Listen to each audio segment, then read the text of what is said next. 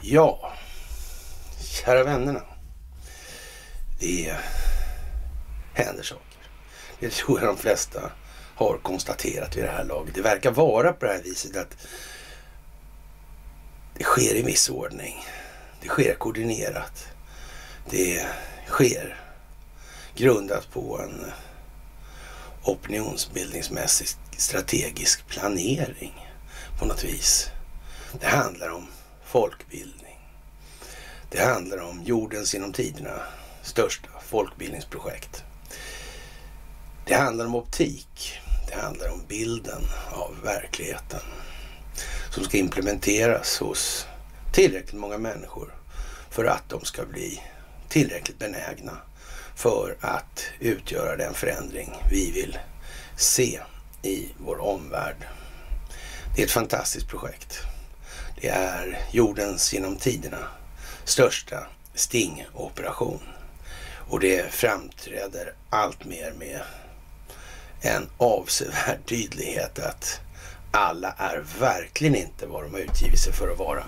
För då hade det här aldrig fungerat helt enkelt. Och det är fantastiskt. Och eh, som sagt, det är fredag i veckan efter påsk. Det är den eh, 22 april 2022. Och som sagt, på fredagar har vi som alltid en tradition. Då är det fredagsmys. Fantastiskt. Ja, det här är ju kul. Det är ju roligt ju. Mm. Många saker är speciella. Inte minst eh, det här hur de byter värdeladdning på orden, begreppen i svenska medier. Först var det den eh, ryske oligarken Derek Deripaska i Calcutta. Mm. Ja, kubal där alltså. Mm, det var konstigt. Så fick han sällskap av ytterligare en oligark. Ja. Det var konstigt det där. Och sen vart de Sundsvallsoligarkerna. Ja, det var konstigt. Och sen så blev de ja, oligarkföretaget. Konstigt det där. No. Oligark liksom. Vad är det ens? Vad gör ens en oligark för någonting? Hur fan oligarkar man? Hur går det till egentligen? Vad är det man gör för någonting? Vad gör oligarker? ställde jag frågan. Och många, ja, konstigt. Vilka dumma frågor jag ställer. Va? En oligark är en oligark. Men vad gör han liksom? Han måste ju göra någonting. Ja, han tjänar massa pengar. Ja, det gör han. Men varför tjänar han pengar då? Hur kommer det där sig egentligen? Det måste ju bero på något att han tjänar de pengarna. Har han gjort något? Då? fan kommer det där sig? Mm. Ja, det är konstigt det där. Mm. Och det är likadant över hela jorden också på något märkligt vis. Mm. Ja, samtidigt så går den här historien med Skifu. ja, är inte det då tårögd. Jag blir alldeles tårögd helt enkelt. Oj, oj, oj, oj. Ja, det där är ju konstigt. Sundsvalls kommunledning har inte känt till vad som har hänt. Det håller på i tio år. ja, det var ju förargligt. Mm. Vad tur de åkte fast första dagen då menar jag. Att de inte håller på innan dess. Mm. Ja, ja, ja, ja, så. Och han snubben där inblandad, den där vdn, han har ju till och med försäljning av gräsklippare. Man undrar hur många kommuntjänstemän som har en sån där gräsklippare hemma egentligen. Mm. Ja, han kan ju dra av dem och... Ja, som sagt. Mm. Ja, det är lite märkligt det där. Faktiskt. Ingen känner till någonting. Tänk om de har tagit ut en massa underlag innan de ställer frågan till kommunledningen. Och det kan konstateras att eh, det ser ut som du känner till någonting av det här. Allihopa som fick frågan där. Skulle det kunna vara så? Mm, skulle det kunna vara. Ja. Och, och sen fick eh, Bodil Hansson, kommunstyrelseordförande, fick hon frågan om det med NATO. Eh, hon ville inte uttala sig. Och sen tidigare framkom det ju någonting där med hur, eh, ja konstigt. Eh, Annika Strandhäll och, och Ann Linde och, och, och, gänget där, ett visst litet gäng. Så de hade ju förhandlat där med de allierade om det här med USA. Och så var det det där mötet då mellan uh, Sergej Lavrov och Ann Linde. Och så sa han så här konstigt att han förväntade sig att uh, den svenska staten skulle stödja Kubal. Konstigt. Mm.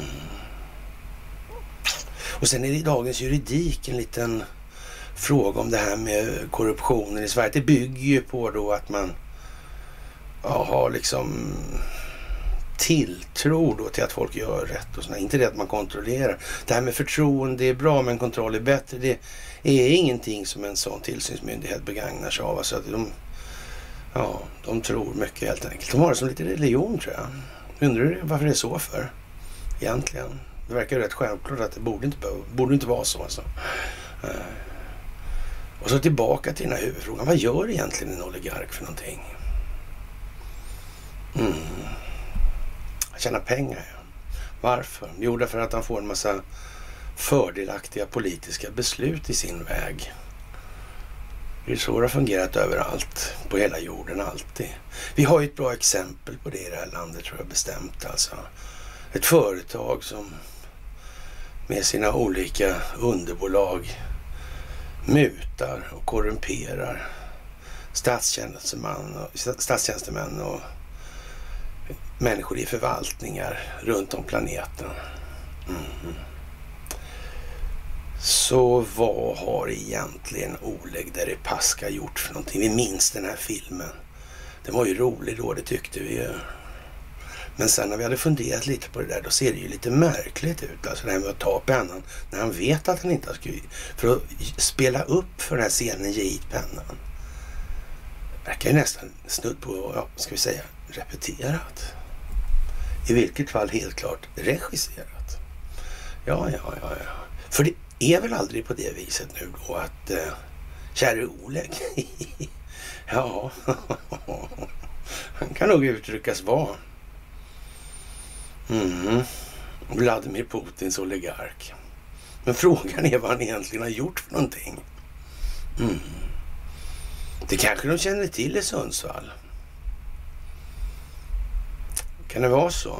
Det kanske till och med finns människor på regeringsnivå som känner till vad Oleg Deripaska har gjort för att få de här besluten i linje med sina egna nyttointressen.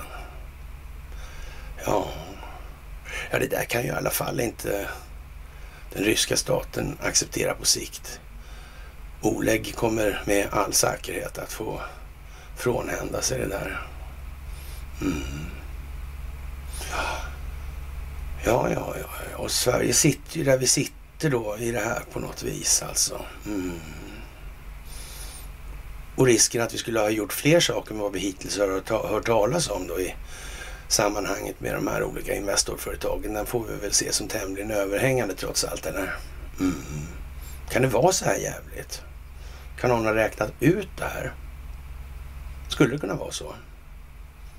Ja, man vet ju inte. Men vi lär bli varse. Men vi kommer tillbaka till det.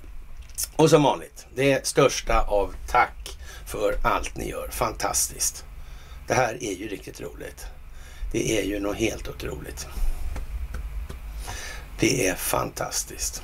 Ett stort tack för gåvor på Swish och Patreon. Ett stort tack för att ni fördjupar er på karlroberg.se och ett jättetack för att ni hänger på Telegramtjänsten. Och de här olika plattformarna, ja, vi får väl se hur det blir, men jag kommer tillbaka till det också.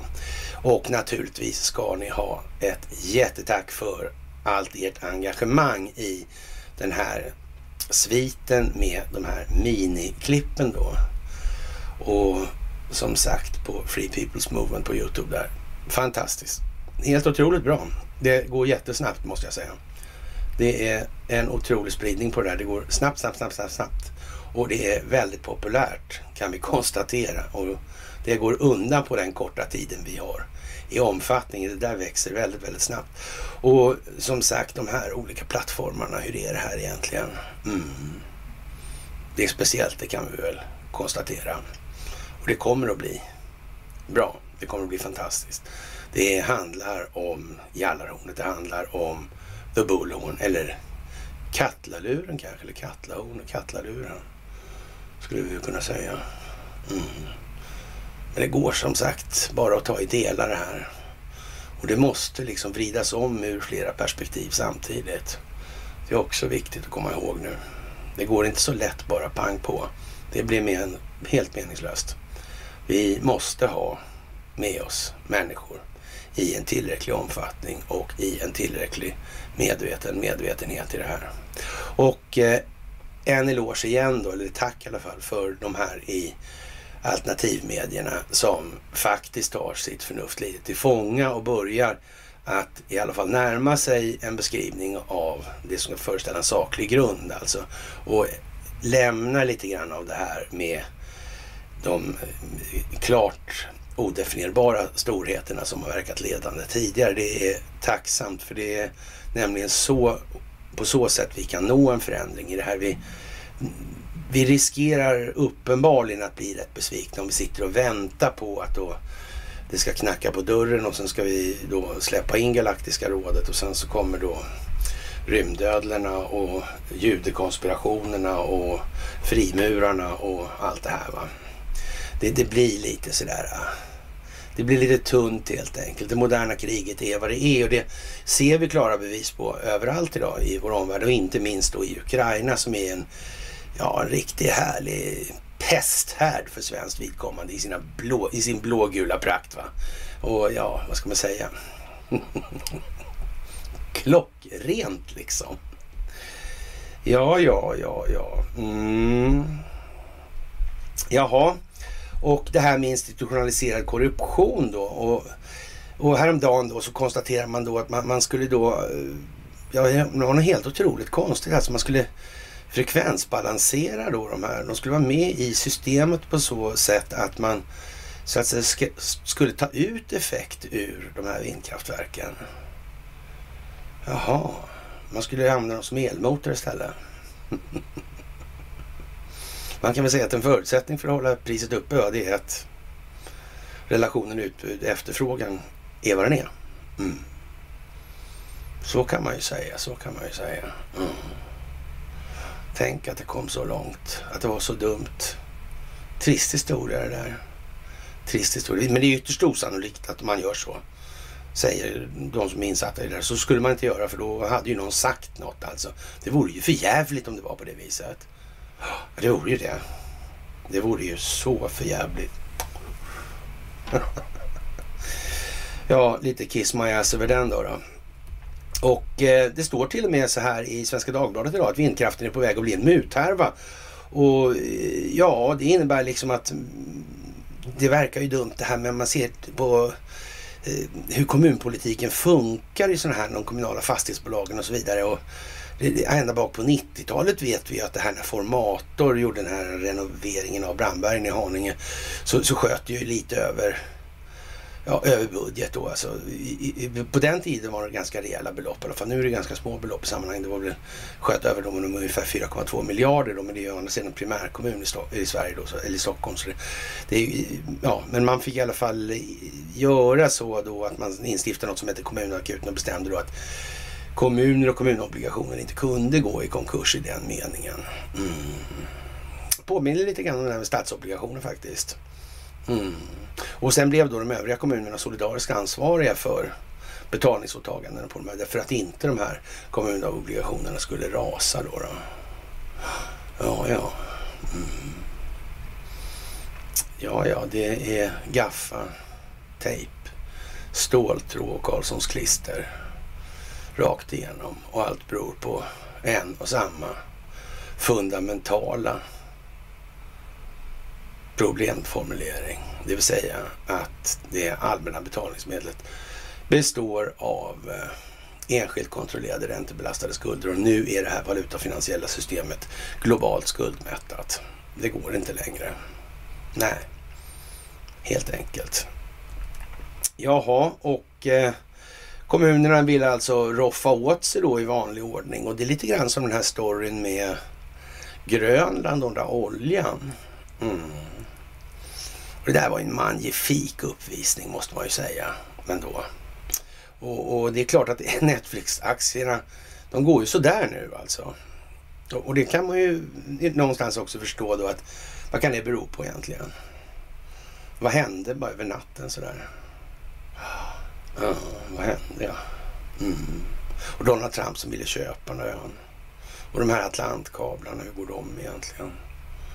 Ja. Hur ligger den där geografiskt i förhållande till sjövägen till Kina egentligen? Den här ön Grönland då. Mm. Det är rätt rejäl grej där alltså.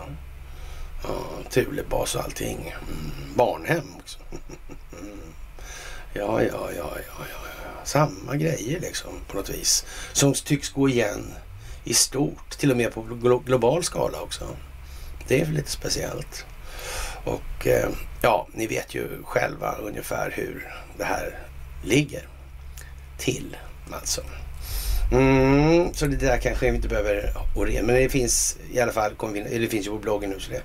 Ja, ja, och eh, för att göra det här lite mera eh, optiskt tilltalande då så tar socialdemokratin in ja, Margot Wallström i partiets NATO-dialog och det är ju fantastiskt. Margot. Vi förlåter er aldrig, Wallström. Ja, ja, ja, ja, ja, ja hon ja. Mm. Ja, det är lite speciellt i de här tiderna. Det måste man ju säga. Och eh, ja, förre utrikesminister Margot Wallström, nuvarande utrikesminister Ann Lind och försvarsminister Peter Hultqvist är några av de som får ledande roller i Socialdemokraternas interna process nu om NATO. Och eh, ja, samtidigt diskuteras frågan på ett långt möte i riksdagen under dagen. Det här är viktiga grejer nu alltså. Ja. Vad handlar det här om egentligen alltså? Mm. Jag tror vi har nämnt det faktiskt. Det handlar lite grann om samma sak som EU. Samma sak som ja, staten, om man nu ska kalla det för det, men den eh, företeelsen Israel i sin nuvarande tappning. Det där, det där stället eller den ytan eller vad man ska kalla det för som är konstituerad på en religion. Det är en teokrati. Alltså, det är oerhört märkligt och sen komma och, och, och greja om det ena eller andra. Där. Man ser att i Ukrainas fall så hävdar man det här då, då. Tänk om de skulle komma på att fråga sig, men då kan man väl inte ha en religion? Till grund för konstitutionen, den konstitutionella grunden. Och sen säger då den här eh, före detta ja, främste representanten för den israeliska politiken, Benjamin Netanyahu. Så säger han så här. Nej, det är ingen demokrati. Det har aldrig varit en demokrati.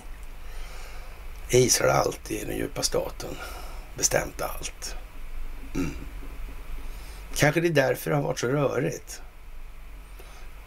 För om man tittar bak där, om man tittar till, i början på förra århundradet där, då, då levde ju de här olika religionerna faktiskt under fredliga former. Och man var tvungen att ställa an den här polariseringen, alltså härska genom söndring, genom Sykes-Picot-doktrinen. Man var tvungen att se till att det ändrades i lite styrelseskick i Ryssland. Det hade man i och för sig försökt med tidigare men då drog man igenom det ordentligt i alla fall. Mm. Ja, det där är speciellt, det får man säga. Mm. Det finns massor av klipp kvar att göra, sådana här små svarta med text på och så. Ja, ja, men S tar in Wallström i partiets NATO-dialog här. Ja. Nu ska det vara tydligt här. Nu går det inte att säga att det är nya kvastar som sopar och... Nej. Det är inte. De gamla kvastarna är med fortfarande. Och Göran Persson tycker till. Mm, han träffar Göran Greider. Mm. Ja, det tror fan inte att Göran vill gå med i NATO. Det vore ju för jävla segt alltså. Bara, tänk, bara lek med tanken alltså. Hypoteserna. När... Eh, vi går med i NATO. Har en väldig massa NATO-folk här på grund av att Ryssland höjer tonläget när vi går med i NATO. Ja, vi får hit, tack och lov, en massa personal och materiel från NATO. Mm. Då, då händer det. Mm. Joe Biden befinns, har hållit på med oegentligheter i icke blygsam skala. Mm. Ja, det kanske kommer sammanfalla rent av med mellanårsvalet i november. Mm. Och då är redan NATO här. Ja. Och Joe Biden slutar vara resident. Han försöker istället bli resistent mot alla anklagelser. Och det kommer gå så där. Alldeles jävla säkert. Ja, ja, ja. Mm. Och sen hur kan det gå i det där valet egentligen? Ja, det skulle ju kunna bli så hypotetiskt att eh, Republikanerna tar hem senat och kongress som en eh, röd tsunami. Ah, och samtidigt så kommer dörren på. Eller rättare sagt, det kommer han på i god tid. Att eh, han måste ju börja ja, rätta till de här frågetecken och göra utropstecken av dem istället. Mm. Kan det vara så de har tänkt? Och det här är ju kopplat till Ukraina i någon inte alls obetydlig omfattning. Tvärtom, tvärtom. ja, ja, vi lär bli varse hur det blir med den saken. Ja, det är trevligt att få se gamla fina Margot igen. En ja, moralisk hedervärd människa helt enkelt. Hon har ju tjänat en eh, shekel eller två där på sin politiska gärning. Det är bra. Jaha, en flod av vapen väller nu, ursäkta, väller nu in i Ukraina, men stridsvagnar, artilleri och stridsflygplan som ukrainarna behöver för att slå tillbaka offensiven i Donbass saknas till stor del. Ett skäl är rädslan för en utvidgning av konflikten. Och det kan man väl säga är det lilla problemet. Och om man nu ska använda sådana här vapensystem till exempel. Man kan börja från början, alltså man ska kunna använda dem till att börja dagen med. Då måste man ha någon form av personal då i det här. Och man kan väl säga så här, det är ungefär åtta års tid då att få fram en då menig soldat, hans resa till att bli eh, ja, kompanibefäl eller kompanichef då i det här. Räknar man med förr i alla fall, men nu är det ju mycket snabbare. Men det är klart, ja, whatever liksom. Men det är inte gjort i en handvändning då, om vi säger så. Då. Och eh, de här vapensystemen är ju då liksom inte, eh, ja, de är mer komplicerade än bara liksom eh, man tror. Sådär. Och, och då tar det ännu längre tid helt enkelt. Det är bara Isis som är snabbare helt enkelt i de här sammanhangen. Vilket i sig då var fullkomligt löjeväckande och alla skrattade åt då, av de som förstod någonting i alla fall. Jaha, och transportvägarna för vapenleveranserna är numera väl upparbetade. 8 till 10 amerikanska flygplan fullastade med allt från pansarskott till luftvärnsmissiler och ammunition landar varje dag i Polen och Rumänien som har blivit knutpunkter, alltså nåder eller brohuven brukar man säga i militära sammanhang, för det militära stödet då. Därifrån går det på lastbil till västra Ukraina och sedan vidare till fronten då. Och eh, man har ju koll på de här vapnen då ungefär till då, ja, 3-4 procent. Och den andra har man ingen koll på helt enkelt. Det, det liksom bara försvinner på något vis. Och, och var man lite elakt sinnad så skulle man ju säga det ser för fan ut som ett uppsamlingshit alltså. För att och, och, och undra vad det är för ställen som är givare till det här. Man skulle kunna säga att om man har massa uppsamlingshit på sånt här då, och det är ju företrädesvis sån militär parafernalia som, som så att säga kan begagnas i samband med destabilisering av samhällen inifrån. Det tycks vara sånt man gör av sig med alltså. Eller gör sig av med. Det är ju märkligt. Att man kommer på den idén liksom. Mm.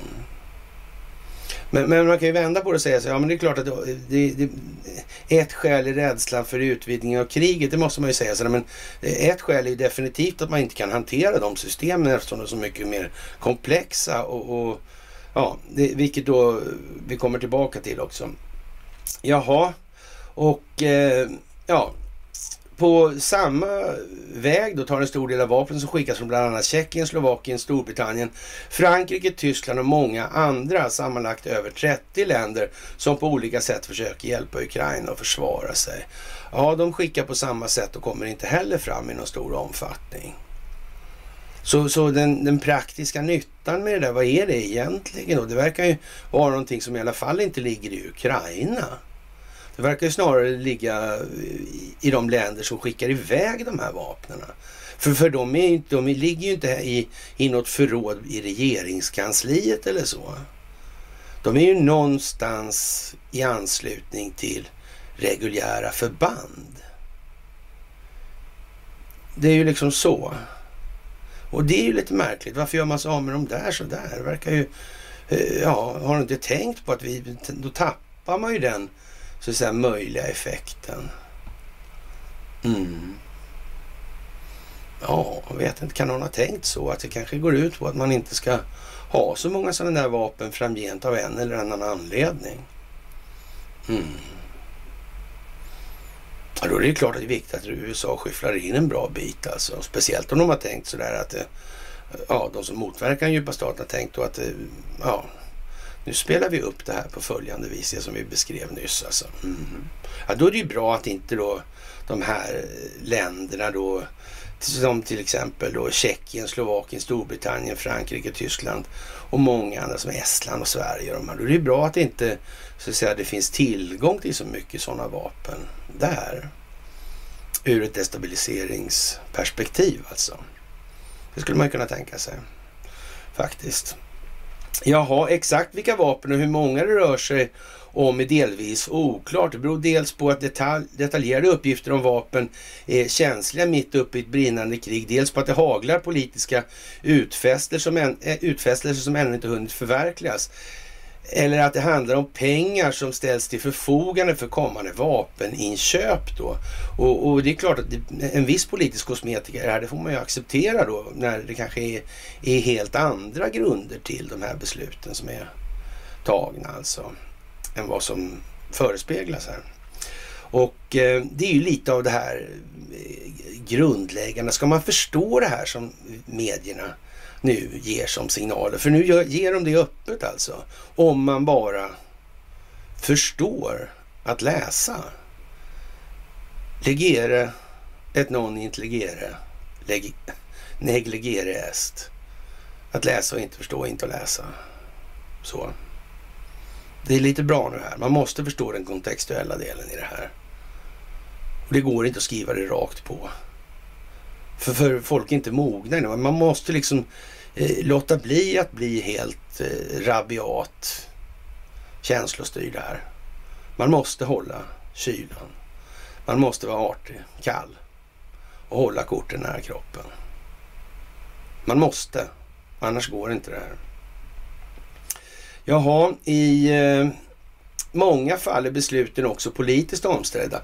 När Polen i mars ville skicka MIG-29 eh, ja, till som stridsflygplan till USA, eh, till USA som i sin tur skulle sända dem vidare till Ukraina stoppades planen av president Joe Biden. Faran för att USA och NATO skulle dras in i kriget ansågs för stor.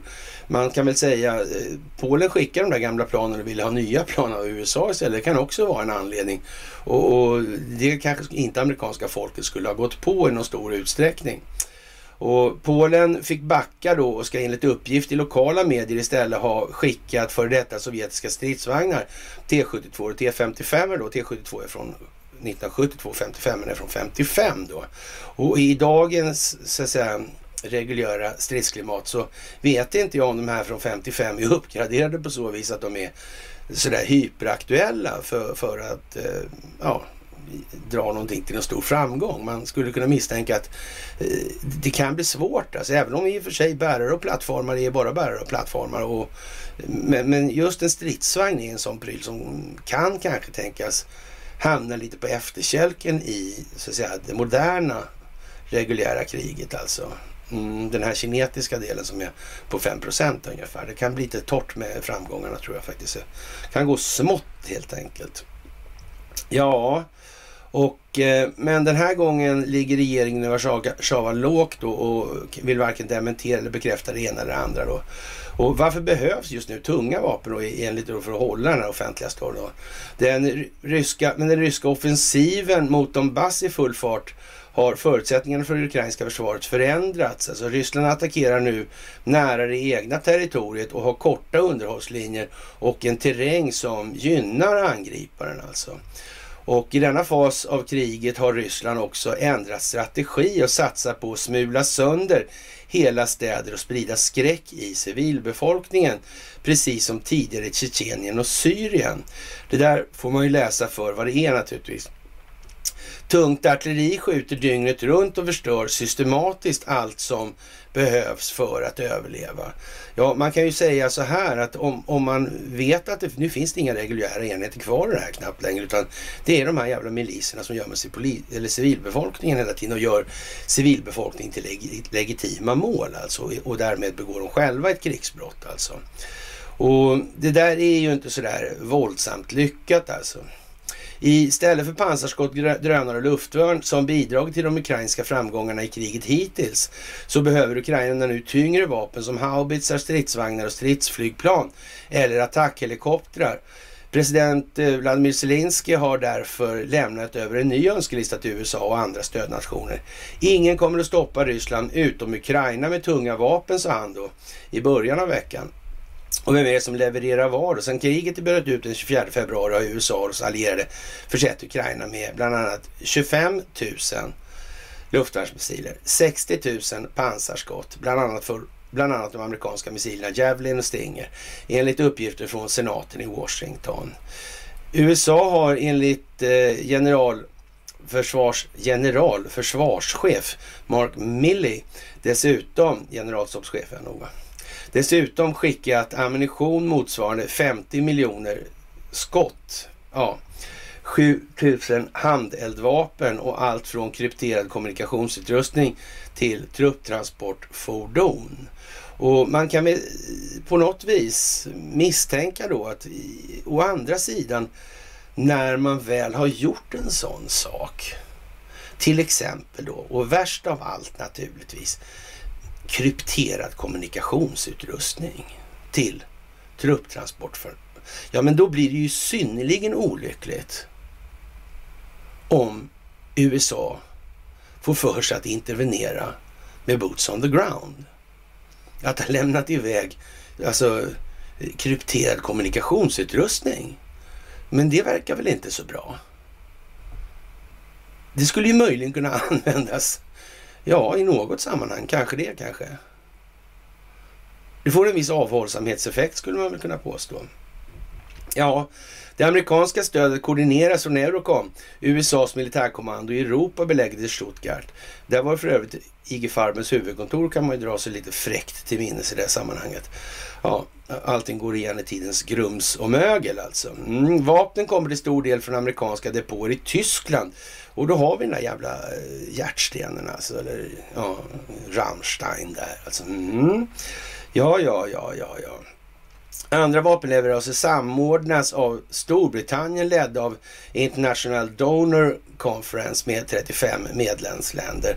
Och nu kan man väl säga så här att ungefär som Bodil Hansson i Sundsvall så kan man väl säga eh, att den militära bildningsnivån i gemen i de här allmänna politiska sammanhangen är kanske inte över, eller så att säga, öronbedövande stor. Då, då. Det är inte bländande helt enkelt. Man kan misstänka det i alla fall. Och därför går det här spelet fortfarande hem utan att allt för jävla många behöver vara inblandade. Utan rätt många tror faktiskt på de här tramsiga sagorna också. Det är ju liksom det som gäller då. Jaha, och och eh, ja, i torsdag sa Joe Biden då att USA planerar ett nytt hjälpprogram värt 800 miljoner dollar, alltså ungefär 8 miljarder spänn. Då. I paketet ingår inte de efterfrågade stridsflygplanen, däremot rysktillverkade då Mi-17 helikoptrar enligt nyhetsbyrån Reuters. USA skickar också haubitsar med precisionsstyrd ammunition som kan slå ut gömda mål på långt avstånd, rapporterar forsknings och nyhetssajten Vox i början på veckan. Och, men det är ju liksom förargligt det här om man redan har skickat sånt där och det är klart att då är ju så att säga eh, telekrigsmiljön blir ju förmodligen eh, något lite lidande av att eh, motståndet har tillgång till kommunikationen i realtid kan man säga. Det blir ju lite grann det där överraskningsmomentet. Det blir liksom inte riktigt infört då Ja, Nej, nej, nej, nej, nej. Det där blir lite tokigt alltså. Ja, ja, det, det där är lite synd. Eller kanske ändå inte va? Mm. Ja, ja. Eh, USAs nya stödpaket till Ukraina innehåller bland annat vapen som skickas inför striderna som väntas i den så kallade Donbassregionen. Däribland en nyutvecklad spökdrönare. Ja, precis. Ghost Rider höll jag på att säga. Men. Paketet innehåller även bland annat 72 haubitsar och 144 000 granater. De ytterligare artilleripjäserna innebär att Ukraina kan utrusta ytterligare fem artilleribataljoner enligt Pentagon. Och, och, men då är det ju det här vet, med eldledningsfunktionen. Alltså. Det, det, det, det är inte bara en så att säga, för att förklara det här så alla yogamammorna förstår. Alltså, det är inte bara en kanon som står långt bak då liksom som har, någon mil fram till det här som ska skjutas på. Då. Det är inte bara det, liksom, det måste finnas någonting som leder in den här elden, som pekar och som ger koordinatangivelser i terrängen och så vidare. Och det kan man förvisso sköta med satellit och sånt där nu för tiden. Men det, det, kommer ändå någonstans behöva och så måste det ändå etableras markkontroll i det här. Och det här är ju samtidigt på så vis att när man ägnar sig åt sån eh, verksamhet alltså och skjuter då med haubitsarna här då, då på någon mils håll. Då. Och det går liksom, ja, en lång, lång, ganska flack bana. Granatkastarna går högre, det är en övergradsbana då. Och eh, då är det ju så här, det tar, det, bantiden är ju ganska lång. Alltså det är ju, som, vi snackar ju nästan minuter här alltså, så typ. Och då är det ju så att då finns det ju något i andra ändan som hör det här och ser, registrerar det här. Då. Då i och för sig, då är det, det är ju så dags då. Alltså, men eh, det här med hörandet, det, det är inte aktuellt riktigt. Det går ljudets hastighet för sölig här. Så, men den här, så fort den här projektilen är uppe i luften då, så då syns den alltså. Och då reagerar en massa apparater som är väldigt, väldigt mycket snabbare än vad människan är. Mm.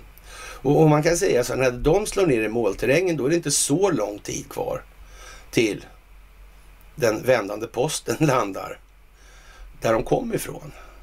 På det viset. Mm. Att ryssarna kan hålla på så här, det är ju en sak. Men att man etablerar de här haubitsarna då och, och, och sen ser till med de stödfunktioner som krävs för att skydda den verksamheten. Det, då, då, blir det liksom, det blir lite svårt kanske då. Och då är, kommer vi dit igen som vi börjar med i den här diskussionen. Men eh, måste inte de här människorna ha lite utbildning för att hantera de mer kvalificerade systemen? Man skulle kunna säga så, om inte de där mer kvalificerade systemen för att skydda den indirekta elden är med då i det här, ja, då kan man säga så, då verkar det rätt dumt att vara i närheten av en sån där, det blir ju liksom en engångsföreteelse så får man ta bilen och åka därifrån så in i helvete fort när man har skjutit. Och, och då har ju, är den nackdelen då att man kan ju liksom inte skjuta några stora ammunitionsinsatser alltså. Man kan inte liksom skjuta någon jävla eh, nedkämpning eller sådär. Och, så att man bara kan hälla ut asfalten sen. Det kan man glömma. Då måste malas på alltså. Mm. Du måste ha tid då. Och då kan man inte få, få en massa granater i huvudet. Då har man ingen tid kvar. Helt enkelt. Det blir dumt. Så in i helvete. Ja, i spetsen för vapenstödet står också före detta sovjetiska lydstater som Tjeckien och Slovakien.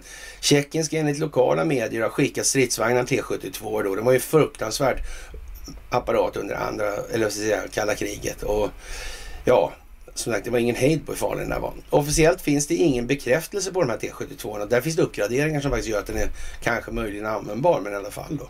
Ja, däremot har försvarsdepartementet i Prag meddelat att den tjeckiska försvarsbjässen CSG fått i uppdrag att reparera de skadade ukrainska stridsvagnarna och pansarfordon som senast skickas tillbaka till fronten. Alltså. Ja, alltså. Ja, Eh, lokal överlägsenhet i tid och rum. Alltså, nej, men nej. vi, ja. Det, det, är ju lite sådär alltså. Mm, helt enkelt. Jaha, officiellt finns det ingen bekräftelse men eh, ja, som sagt, det är ju... Mm, det finns ingen alltså. Nej. Så. Vad är det för någonting då? Ja, lite opinionsbildning kanske. Ja, Sverige har försett Ukraina med bland annat pansarskott och utrustning för minröjning. Mm. Ja, det är klart att det är ju naturligtvis ryssarna som minerar här. Det tror fan det. Ja. Men om man ska få in minutrustning, den har man inte så mycket användning för annars om man inte har den så säger de egna täterna redan. Men att eh, miliserna skulle försåtminera allt som går att försåtminera. Eh, mer trovärdigt om man säger så. Ja, det är ju som sagt. Jaha, eh, varför kritiseras Tyskland egentligen i det här? EUs ekonomiskt mäktigaste land och Tyskland blockerar inte bara ett stopp för ryska olje och gasleveranser som sägs ha finansierat den ryska krigsmaskinen då, utan håller också en låg profil när det gäller vapenleveranser. Bland annat har Tyskland vägrat att skicka pansarskyttefordonet Marder som står högt upp på Ukrainas önskelista. Motiveringen är att det krävs lång utbildning på det, men inte på de andra. De här haubitsarna och alla det, det behövs ingen utbildning alls på helt enkelt. Nej, för att, för att behärska de här komplicerade vapensystemen då. Men eh, kritiker säger bara att det är bara ett svepskäl. Ja. Mm. Ja, men då så. Tyskland vill nu att länder i Öst och Centraleuropa skickar vapensystem från före detta Sovjetunionen till Ukraina då. Att Tyskland i gengäld förser dem med moderna vapen, bland annat missilsystemet Patriot där. Och, och det kan man väl säga sådär. Det, det här med Patriot, kanske är dags att visa upp då den överlägsna prestanda som det där systemet har då enligt eh, gällande politiska militärers doktriner i Sverige. Mm. Det är ett fantastiskt system som vi just har köpt. Det är supermodernt. Mm. Det var, uppfanns ungefär samtidigt när ja, Sten och Knota lekte i, eller i Amerika då med urokeserna eller vad fan de hette. Och ja, i familjen Hedenhös alltså. Det var på den tiden. Då var det jättemodernt det där. Ja, ja, ja, ja. Totalt rör det sig om omräknat mer än 10 miljarder kronor som regeringen i Berlin är beredd att satsa, meddelar i torsdags försvarsminister Kristin Lambrecht. Kan vapnen från väst vända kriget? Ja, Ben Hodges, för detta befälhavande general för USAs trupper i Europa, tror att Ukraina inte bara kan slå tillbaka den ryska offensiven i Donbass utan också vinna kriget och tillbaka den av Ryssland ockuperade Krimhalvön. Och ja, det får man nog nästan se som väl tilltaget, till och med så väl tilltaget att det är knappast någonting annat än med uppsåt som man säger sådär. Mm. Och vad är det han vill åstadkomma då? Ja, han vill ju öka den allmänna förståelsen, det allmänna medvetna medvetandet. Ja. Jag skulle vilja påstå att han är... Han vet vad han gör, helt enkelt. Jaha, men eh, ja, det förutsätter ju då att väst levererar vad Ukraina behöver. För sju veckor sedan diskuterade vi om det skulle skicka luftvärnsmissiler, säger den här ja, för detta generalstabschefen då, eller USAs trupper i Europa är det ju egentligen då. Ja, och eh, ja, då diskuterade vi om vi skulle skicka luftvärnsmissiler. Hur löjligt var det där egentligen? Vi har låtit oss skrämmas av överdriven rädsla, skrev han nyss på Twitter. Låt oss istället tänka att Ukraina kan vinna kriget menar han då. Ja, ja, det kan man ju. Ja, men det kan vi ju tänka att de kan. Mm. Och Eh, hur reagerar Ryssland då? Bara timmar efter att president Joe Biden presenterade sin nya stödpaket till Ukraina avfyrade Ryssland en interkontinental ballistisk missil kapabel att föra med sig tio kärnvapenladdade stridsspetsar alltså. Enligt Vladimir Putin var det en varning till alla som försöker hota Ryssland. Ja. I förra veckan varnade Vladimir Putin att länderna i väst som skickar vapen till Ukraina kommer att möta allvarliga konsekvenser. Mm. Kan det vara så att de här länderna som faktiskt hotar Ryssland här, att de har den djupa staten inom sig själva alltså? Mm. Skulle det kunna vara så? Det kan det nog vara, ja. Mm. Finns det något telekombolag i de här länderna överhuvudtaget? Eller ens kanske vi ska säga om det också. Jag vet inte. Kan det vara så? Det är ju lite märkligt. Är det, är det samma telekombolag allihopa har då? Jag vet inte. Informationshantering i moderna kriget har en roll alltså. Nu ska vi se då. Tjeckien, Slovakien, Storbritannien, Frankrike, Tyskland och så vidare. Estland, Lettland, Litauen. Mm. Ja, men de har nog faktiskt telefoner där. Mm. Ja, det är väl lite speciellt alltså. Mm. Och, och, och, i USA har de också det. Det säger i alla fall han förre då utrikesministern då. Mike Pompeo. Han, han har ju förklarat det där alltså. Ja, det är lite tråkigt. Jaha.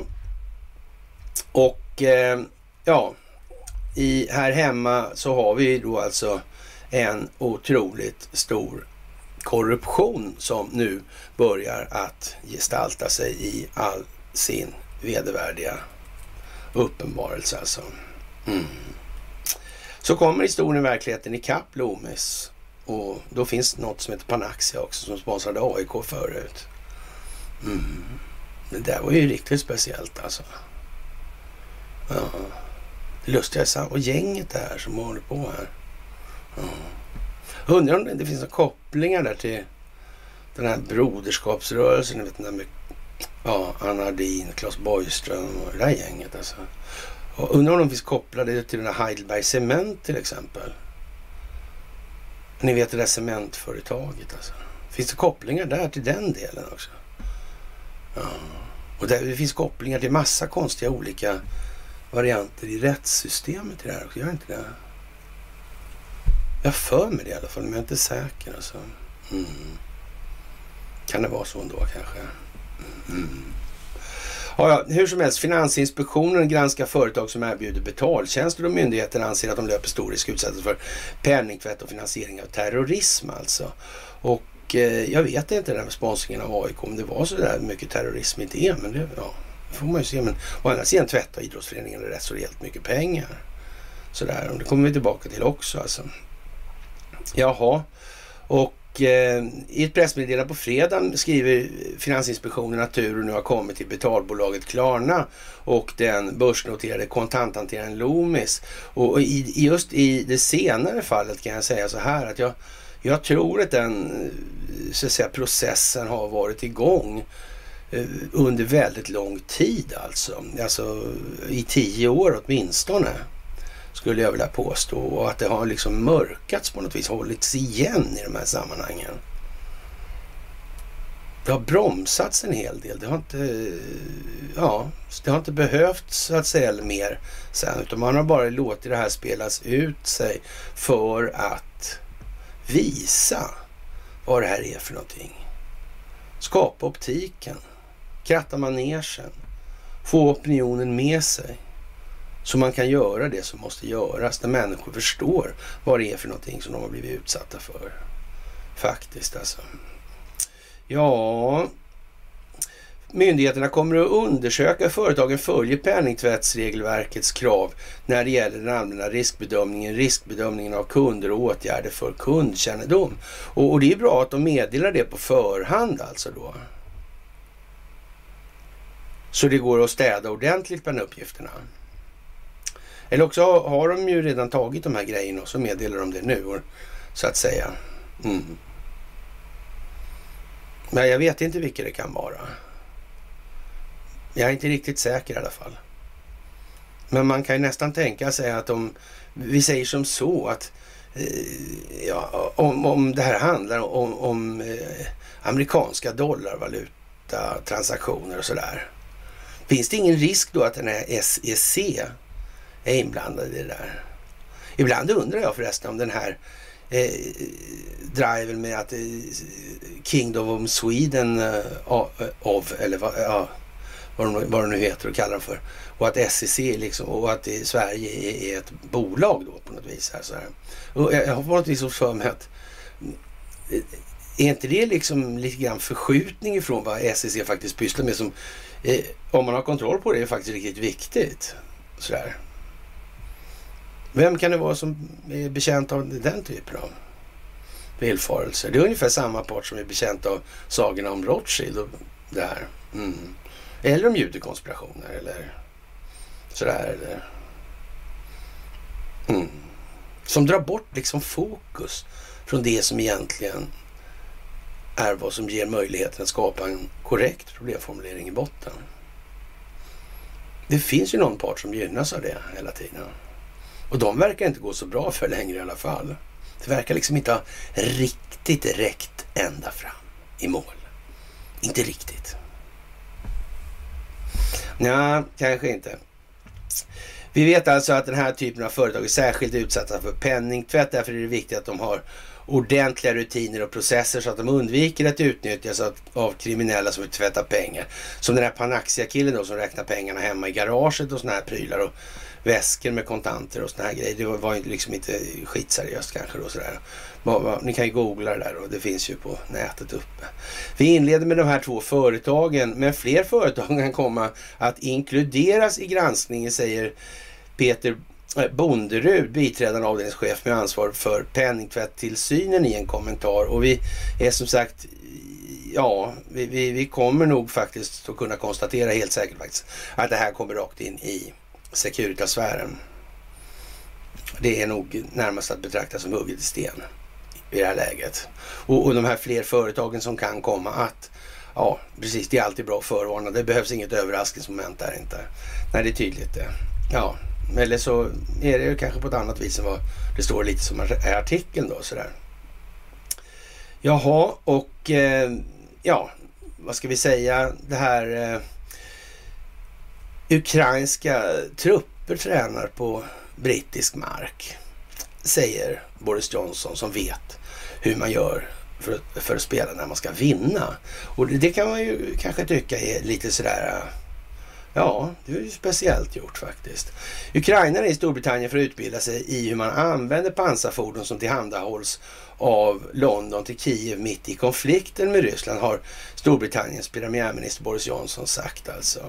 Amerikanska artillerisystem, de, de verkar inte vara riktigt, det verkar vara liksom mer, mer av den tanken att nej, de ska dit och skjuta en granat var alltså. Mm. Och sen bara smäller det. Där den haubitsen står. Det verkar vara lite mer åt det hållet. Då. För, för ett, ett sånt artillerisystem det är liksom inte mindre komplicerat än något jävla pansarskyttefordon från England. Liksom. Ja, och eh, ja, jag kan säga att vi för närvarande tränar ukrainare i Polen i, av, i användningen av luftförs, luftvärnsförsvar och faktiskt i Storbritannien eh, användningen av pansarfordon avslöjade Johnson då i en resa till Indien på torsdagen. Han sa inte hur många ukrainska trupper som för närvarande befinner sig på Storbritannien, i Storbritannien eller exakt var i landet de befinner sig. Försvarskällor har berättat för The Guardian då att träning för att hantera den militära hårdvaran vanligtvis tar några veckor då. Och, och det var ju jävligt eh, välvilligt uttryck skulle jag vilja påstå då. Och speciellt om man som då ukrainsk reguljär militär, om det ens är det, om det här inte ens är fråga om miliser då, alltså kanske till och med.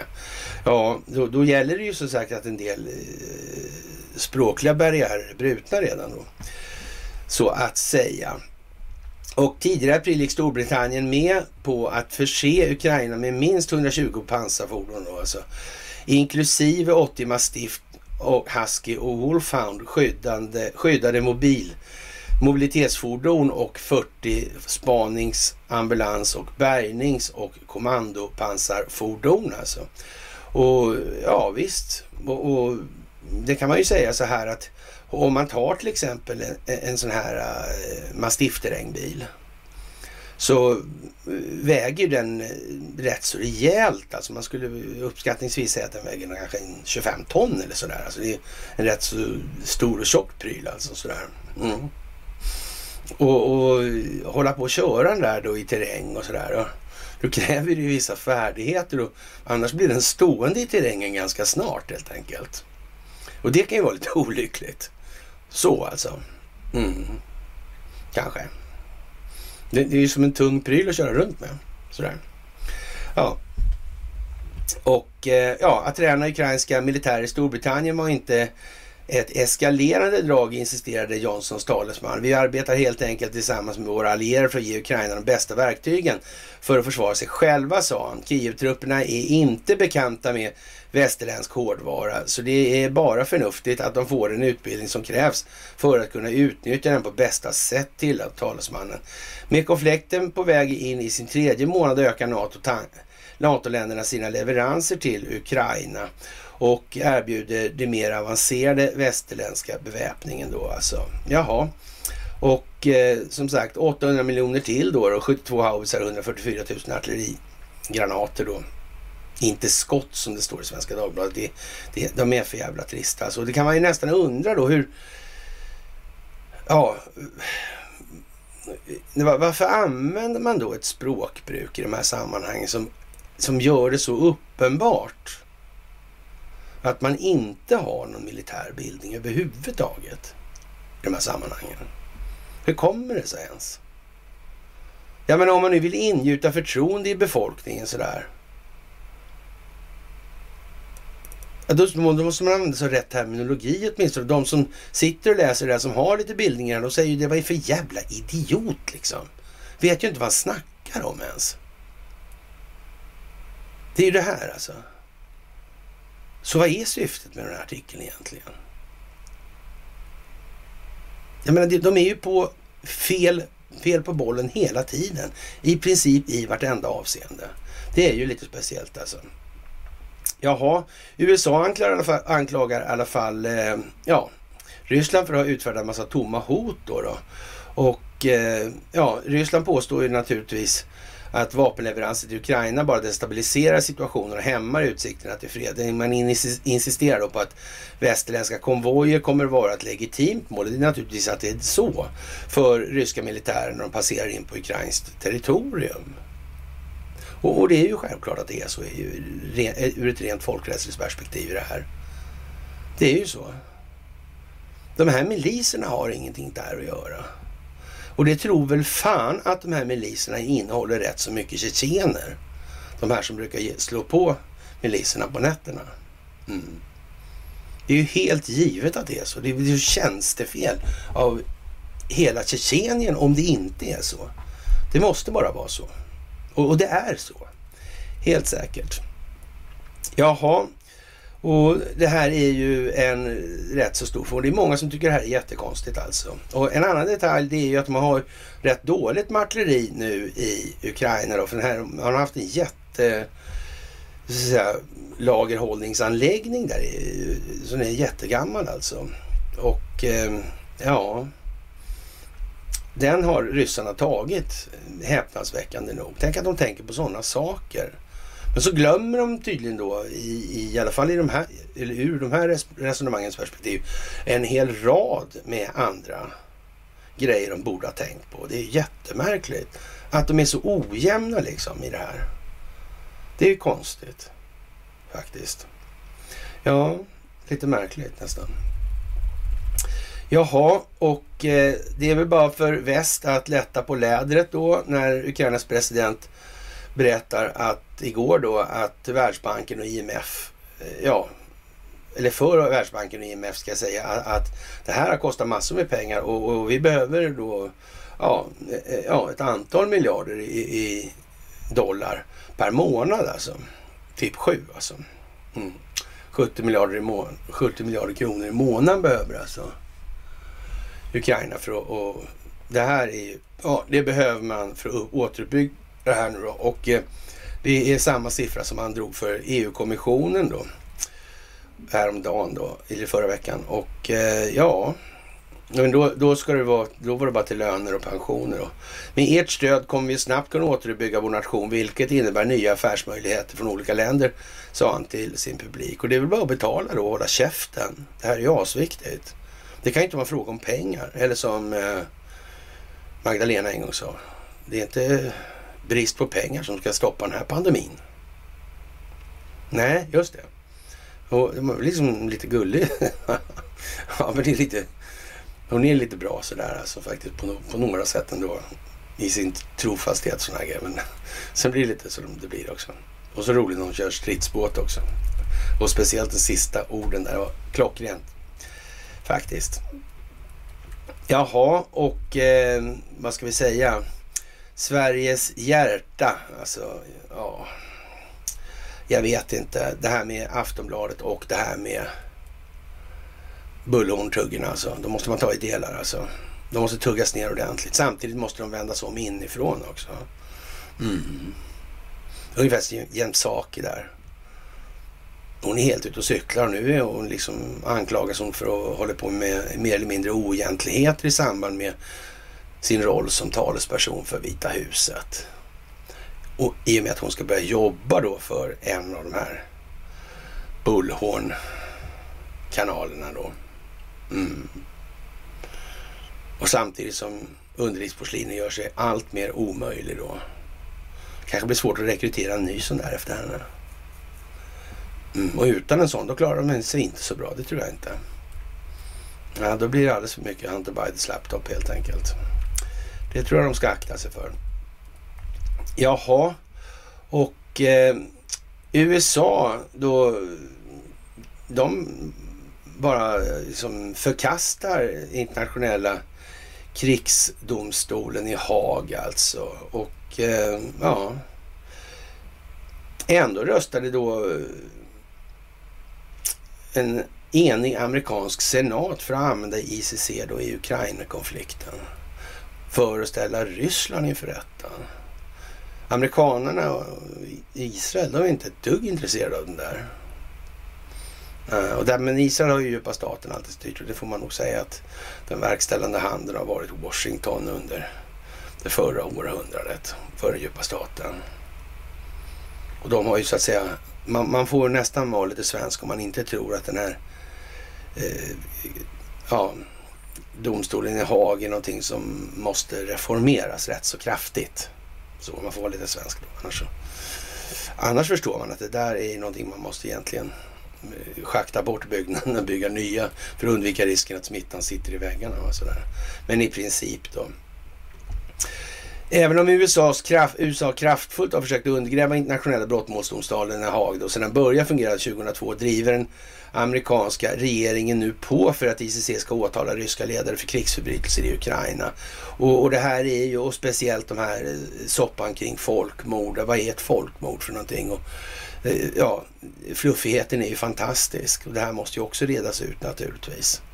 Folk måste förstå, folk måste inse att det här har varit teater big time alltså. Och det här är vad som har gjort möjligt alla de här historierna inom ramen för det här kriget med terrorism och så vidare. Mm. Saddam och hela grejen alltså. Mm. Ja, ja. Trots USA-ledda NATOs provokation av Ryssland under de senaste åren utgör den ryska invasionen av Ukraina en olaglig aggression. Icke desto mindre har ICC inte jurisdiktion att åtala ryska ledare för brottet aggression då i alla fall. Och där är man i Rysslands sammanhang så har man satt rysk lag över internationell rätt. Just av det skälet. Det ska inte gå att dra på det viset. Och det vet man att annars hade man gjort det. Mm. Och då kommer man aldrig åt det här. Romstadgan förbjuder aggression. 1946 kallar den internationella militärtribunalen i Nürnberg, det jävla kalanka rättegången som vi har pratat om miljoner gånger. Förandet av aggressivt krig för i grunden en ond sak alltså och ta, tillade att initiera ett angreppskrig är inte bara ett internationellt brott, det är högsta internationella brottet också som endast skiljer sig från andra krigsförbrytelser genom att det innebär den ackumulerade ondskan i helheten inom sig. Ondskan alltså. Den finns alltså klar till sin definition. Bara det liksom. Den ackumulerade ondskan. Ja. Ja, ja, men eller hur liksom. Om eh, vissa handlingar bryter mot fördrag är brott, är de brott vare sig USA gör dem eller om Tyskland gör dem. Och vi är inte beredda att fastställa en regel för brott mot andra om vi inte skulle vara villiga att ha åberopat den här mot oss då. Aha, nej, just det. Ja, det här är ju liksom, vad ska man säga, stört löjligt alltså. Och det är nödvändigt för att människor ska förstå. Människor måste få klart för sig hur det här fungerar, hur det har sett ut och så vidare. Och eh, Bushfamiljen har ju ja, som sagt sin del i det här och det kommer ju naturligtvis tillbaka här nu. Det annat som kommer tillbaka är Nancy Pelosi till exempel. Häromdagen så fick han evakuera då på Capitol Hill där då. då. Och, och, ja, det var lite speciellt alltså. Mm. Och när man gör en sån evakuering då det var ju ett militärt flygplan, ett uppvisningsteam med fallskärmshoppning som inte hade meddelat om någon anledning eller kanske av en anledning inte hade meddelat eller kanske vill ge signalen att man kan ju inte meddela obehöriga vad som sker inom ramen för militär verksamhet. Det, det brukar man inte göra. Nej. Och är residenten bara resident så jag vet inte. Kanske man, ju, man kan ju vilja sagt det till exempel då. Eller sådär. Och så kan man ju undra då varför, varför Nancy håller på och gnölar om det här för. Hon gnölar inte minst om den här eh, 6 januari där. Det gjorde hon ju inte 21. Nej, det gjorde hon inte. Och hon är tydligen ansvarig för det här ändå. Alltså. Men det verkar konstigt i alla fall. Och när man gör en sån här evakuering så är det ju naturligtvis rimligt att tro att man, man då så att säga utgår ifrån att det kan vara förberedelser genomförda på insidan i det här. Då måste man ju så att säga söka igenom byggnaden. Naturligtvis. Efter en evakuering. Vad är det här för någonting alltså? Eh, kan hon ha applicerat massa grejer? Kan hon ha tänkt liksom i, i flera steg och ur flera perspektiv här? Så kanske de här skulle samverka sen. Alltså, man måste ju så att säga, säkerställa vad det är som har hänt egentligen man börjar ju, och det, det, är ju svårare efterhand då, utan det måste man göra då. Ett visst grundarbete, då söker man igenom de här byggnaderna. Helt garanterat, det är liksom ett standardförfarande alldeles säkert. Även där då. då. Och, och, då kan man ju undra då någonstans då i allt det här om, eh, ja, och människorna blir så här känslostyrda och, och liksom som de är i det här läget. Och det händer ju en hel del i USA med, med den här Durhams utredning och Julian Assange då, som kommer tillbaka till också. Ja, det är nog ingen i djupa staten som tycker det är skitroligt att han ska utlämnas dit nu. Det är, är nästan ett eh, jättestarkt tecken på att han lär inte få ett hårstrå krökt i USA alltså. Mm. Det lär han inte få, nej. Utan han kommer i värsta fall tala öppet inför kongress och senat. Och det kommer att vara tv-sänt. Ja. USA har liksom inte råd med någon halvdan jävla skitcirkus. Alla Epstein och såna grejer. Det går liksom inte med fler döda på det viset. Nej, det går inte. Det kommer inte se ett dugg trovärdigt ut. Det kommer se dåligt ut. Mm. Ja, ja. Ja, och nu fastställde man alltså då i så fall att eh, om de här människorna till exempel där håller på och kommunicerar med varandra om varit pressade och kanske inte har undvikit att, kommunicera på de system där de inte ska kommunicera och så vidare. Och det kanske man har upptäckt att de har gjort tidigare också. Mm. Då skulle det kunna vara en del grejer säkra där nu alltså. Till exempel. Plus alla de övriga anledningarna till varför det här inträffade. Som sagt, men det kommer vi tillbaka till också. Ja, och vilka ger då vapen till Ukraina då i det här? Jo, det är USA och det är Estland och det är i fallande ordning här nu. Och det är Storbritannien, Italien, Sverige, Tyskland, Kanada, Tjeckiska, Tjeckien då och Polen och Slovakien. De verkar vara rätt Ericsson-anknutna de här på något vis. Alltså, så, det, så, så, så informationshanteringsdelen i de här länderna får anses vara hyfsat klar då. då. Mm. Så kan det vara. Ja, och de har alltså dessutom påföljder att vänta från ryskt håll i de här sammanhangen. Det kan man ju tänka sig också. Och Rysslands största kemifabrik börjar brinna naturligtvis och det var bara några timmar efter en annan militär forskningsverksamhet eller ett, eh, ja, en anläggning då börjar brinna. Mm. Det är ju inte så att den djupa staten är helt utrökt i Ryssland. Under inga omständigheter. De står inte på lista och talar om att de tillhör den djupa staten. Det är inte ens nära. Nej.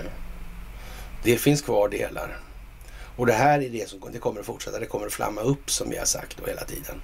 Men det är liksom ingen koordination uppifrån så att säga. Det är liksom inte så att de sitter på Arsenalsgatan och planerar det här. Och det är inte så att ja, amerikanska CIA och de här ja, dolda strukturerna håller på. Nej, nej, nej, nej, nej, det är slut med det helt enkelt. Så det blir liksom de här cellerna, vad ska kalla dem för då. då. Mm. Som håller på att agera fritt eller försöker agera fritt. Ja, och det blir ju liksom lite mer, det blir ju meningslöst helt enkelt. Och eh, det Ryssland gör i Ukraina visar att deras tröskel är väldigt låg för att använda militärmakt för att nå politiska mål, säger Rultqvist då. Det Sverige genom intern styrning gör och har gjort i Ukraina och över 180 länder i flera decennium. Eh, men vad sa han?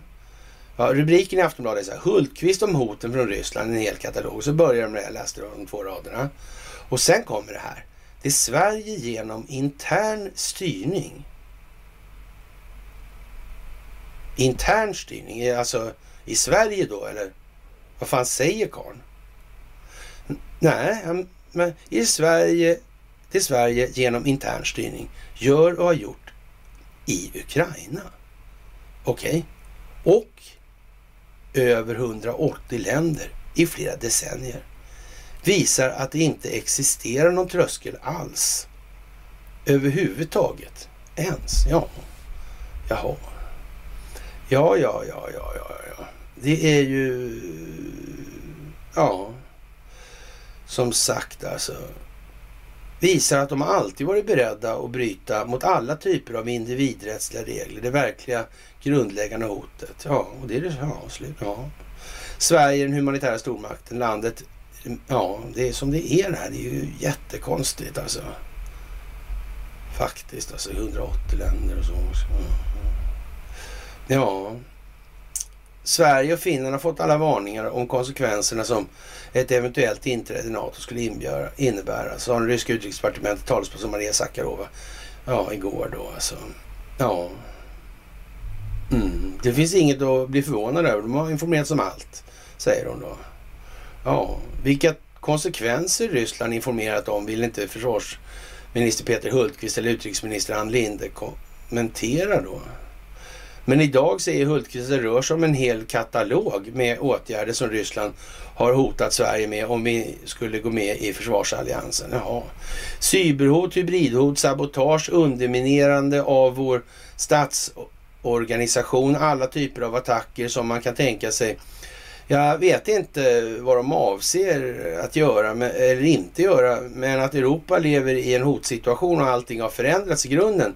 Så är det, säger Hultqvist. Alltså utrikesminister Linde säger att eh, de ryska hoten mot Eh, Sverige är en viktig del av analysen som görs kring det möjliga svenska NATO-medlemskapet. Ja, som sagt, hot är en sak som vi vet kommer ske och som är en viktig del av vår analys. Ryssland har med all önskvärd tydlighet klargjort att detta är ingenting som de önskar och de kommer att reagera på olika sätt, säger Linde. De har hotat Sverige och oss personligen genom att uttrycka detta. Vi tycker att det är oacceptabelt sätt att inte respektera varje, att varje land själv bestämmer sin säkerhetspolitik. Det är Sverige, inte Ryssland. Men eh, vi måste självklart ha med sånt i en analys alltså.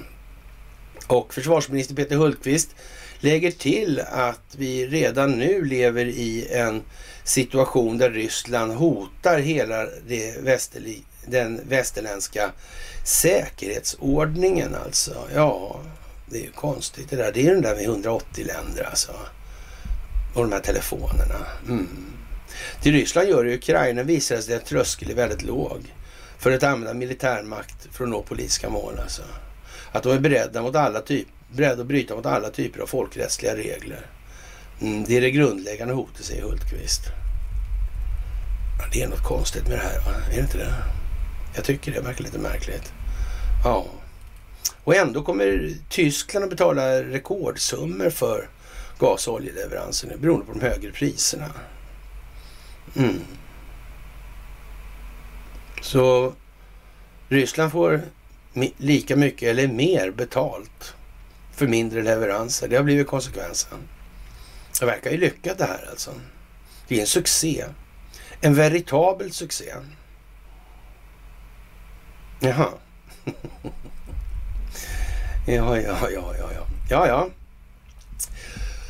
ja, Tengils grepp om Katlahornet viker alltså. När Elon Musk eh, säkrar då 46,5 miljard dollar i finansiering för att köpa Twitter då. Och Eh, ja, han är då villig att göra ett vänligt köp av det här då. då. Mm.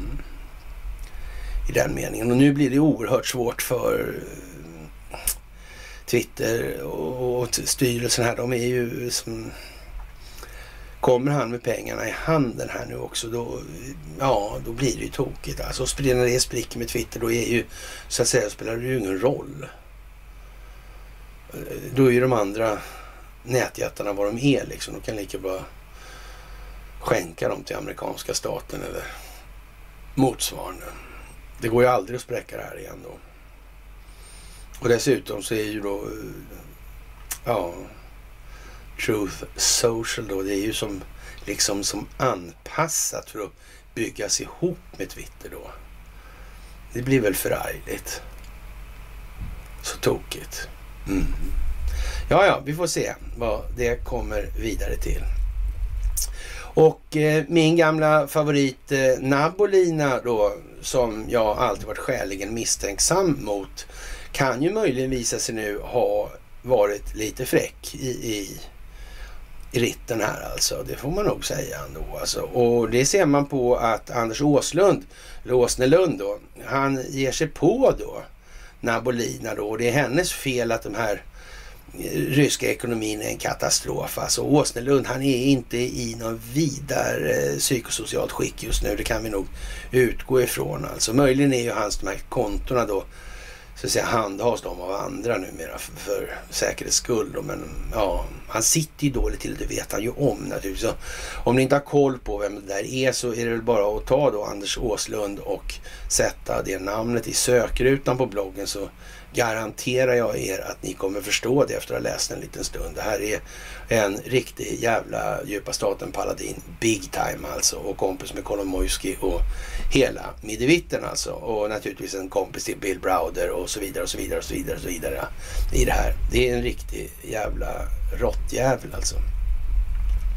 Jaha, och eh, Durham säger att ja, CIA har hittat data som eh, visar då att eh, den här eh, Trump-Russia-konspirationen var eh, användar eller ja, skapad då så att säga. Och eh, det här är ju lite intressant då, för det sätter ju ljuset på underrättelsetjänsterna och vad, de här, vad vi ska med dem där till och det där som vi brukar köra då. Och eh, Ryssland har faktiskt inkluderat en skock med eh, politiker nu i sin sanktionslista då, till exempel Kamala Harris då.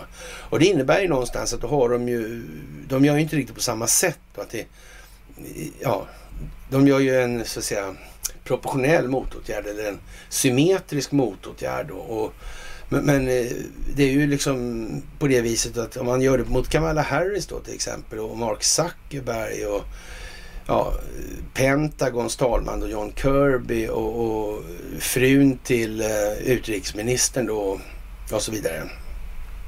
Ja, det är 29 stycken amerikanska medborgare som har blivit uppförda på den här listan nu. Och det är ju det.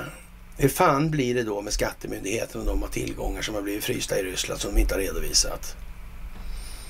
Och anledningen till att de har kunnat hålla på så det är att man inte har haft styrning på skattemyndigheten tidigare. Det har man nu alltså. Det har man haft sedan 2016. Men det är ju liksom ingen idé att spela ut det kortet så dags. Det, är nu, det ska ju spelas ut nu sent här. Mm. Och sen har de så att säga fått traska på i ullstrumporna där och ljuga in sig ordentligt. Ja, det är lite sådär lattjo.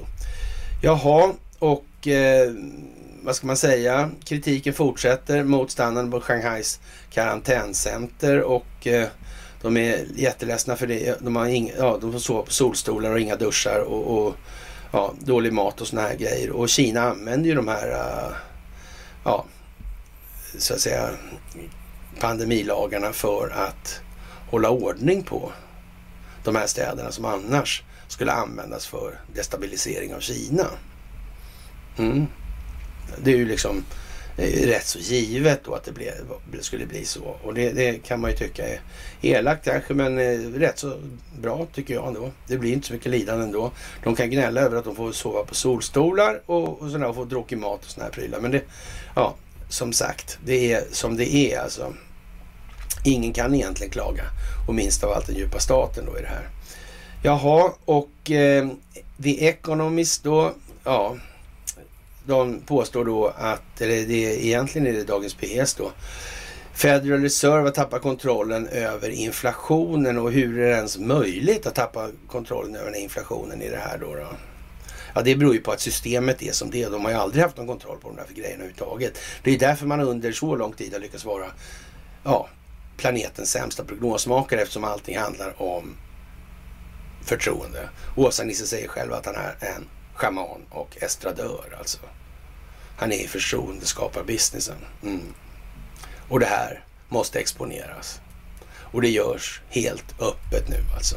Och det är väl ingenting att snacka om. Jaha, Stora delar av halvledarproduktionen har satts ur bruk på grund av omfattande nedstängningar i Shanghai då, skriver Aftonbladet. Det är det vi pratar om. Logistiken och produktionen drabbas hårt. Utanför kusten råder total trafikstockning, skriver tidningen. I vanliga fall hade man kunnat nyttja tågtransporten via Ryssland upp till Europa. Men ingen vågar skicka något via Ryssland nu eftersom risken att varorna konfiskeras är stor, säger Peter Olausen, VD på Rotacorn Electronics som förser företag med lager av bland annat halvledare.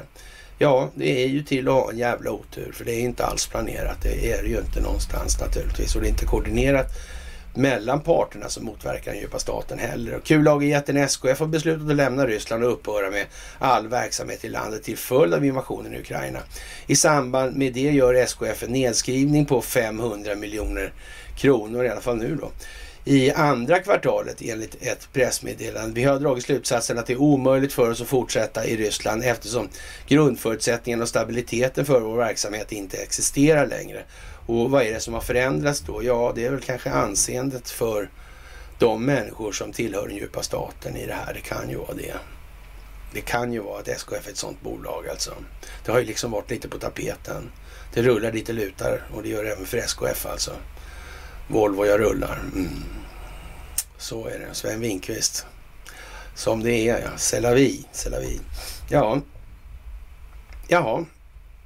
Totalt står försäljningen i Ryssland för cirka 2 procent av koncernens totala omsättning förra året. SKF ska nu avyttra verksamheten på ett kontrollerat sätt, heter det. Ja, det kan man ju uttrycka det som.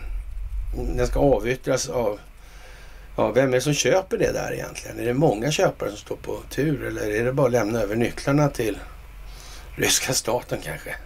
Jag vet inte. Behöver nog inte ens göra så mycket mer alltså. Ja, det är ju lite speciellt helt enkelt. Och eh, vad ska vi säga om det här med... Eh, ja, ja vi, vi, behöver inte gå in på Frankrike den delen i alla fall. Och eh, det kan bli dyrare, dyrare toapapper i Sverige tar man då upp då. Och då, kan man, då börjar det komma dit här att liksom... Eh, ja, ja, då, då är vi nere på väldigt folklig nivå i de här analyserna alltså. Har man inte börjat begripa vad det här handlar om hittills då... Alltså... Mm. Men eh, visst då. Det är ingen planerad opinionsbildningsinsats alls det där alltså. När man börjar skriva då liksom krigsrapporten först upp till och larmet. Toa, kan, toapapper, kan bli dyrare toapapper. Mm. Det är lite skämsigt att vara svensk. Alltså, eller behöva erkänna att man liksom inte har gjort mer än vad man har gjort under hela livet. Man hade nog fan kunnat göra lite till ändå. Alltså, det ska man vara ärlig och säga. Alltså, något färre knäböjningar och lite mindre bänkpress kanske. Och, och sådär. Alltså, det hade kunnat gå ändå. Alltså, sådär. Jag vet inte fan alltså. Det, där var lite, det, här blev, det blev lite snett i prioriteringarna någonstans här alltså. Jaha. Och eh, det här är ju liksom... Ja när, när Fed har misslyckats och så här då. Och, och som sagt, om man inte fortfarande har lyckats adressera det här med skuldmättnaden och den ackumulerade räntekostnaden som orsakar den skuldmättnaden. Jag vet inte riktigt vad man ska säga. Det är ju lite sådär alltså. Ja, kan man säga. Myndighet granskar Verisure efter Aftonbladets eh, eh avslöjande alltså. Ja, jag vet inte om det är Aftonbladet. Det var inte Uppdrag granskning som gjorde det här. egentligen tror jag. Det var ju konstigt. Ja. Ja, det är 200 sekunder var det ja, just det. Mm. Men, men, men vem fan är det? Det är inte han eh, Asch där, vad heter han? Ja, de tog namnet Aschberg sen med Asch i början alltså. Men det ville de inte heta när de bodde i Sverige. Mm. Ja, ja, men det är ju när han lägger pannan i djupa veck, vet du. Kommer en så här, då ser han ut som ett arsle. Ja, ja. ja, ja, ja, ja, ja, ja, ja. Vi får väl se. De kanske har någonting att tas med historiskt, jag vet inte. Faktiskt. Jaha, Volvo tvingas återbetala hundratals stödmiljoner helt plötsligt i dagens juridik alltså. Och ja, det är klart det har blivit eh, vad det har blivit nu det här. Och, och, och i egennyttans tecken så kommer ingen att offra sig för någon annan. Den som tror att det är på det viset är helt jävla dum i huvudet alltså. Det finns ingen lojalitet i de här sammanhangen den magiska eh, judekonspirationen eller den fantastiska Rothschild-doktrinen eller de eh, ja, galaktiska rymdödlorna eller vad det nu är för något obskyrt som ligger till grund för det här. Mm. Det finns ingen lojalitet där i alla fall. Egennytta är vad den är. Och den verkar ledande hela tiden. Ah, det är den satanistiska Khazar-maffian liksom. Jo, men eller hur. Så är det ju. Såklart. Mm. De sakliga grunderna de kan vi skita i. Det är bara liksom vi vet att det är de där prylarna istället. Så vi, mm. och, ja, och så vidare. Ja, ja. Jaha, och eh, ja, det här med att USA sprider det kalla kriget är, är ju vad de har gjort liksom.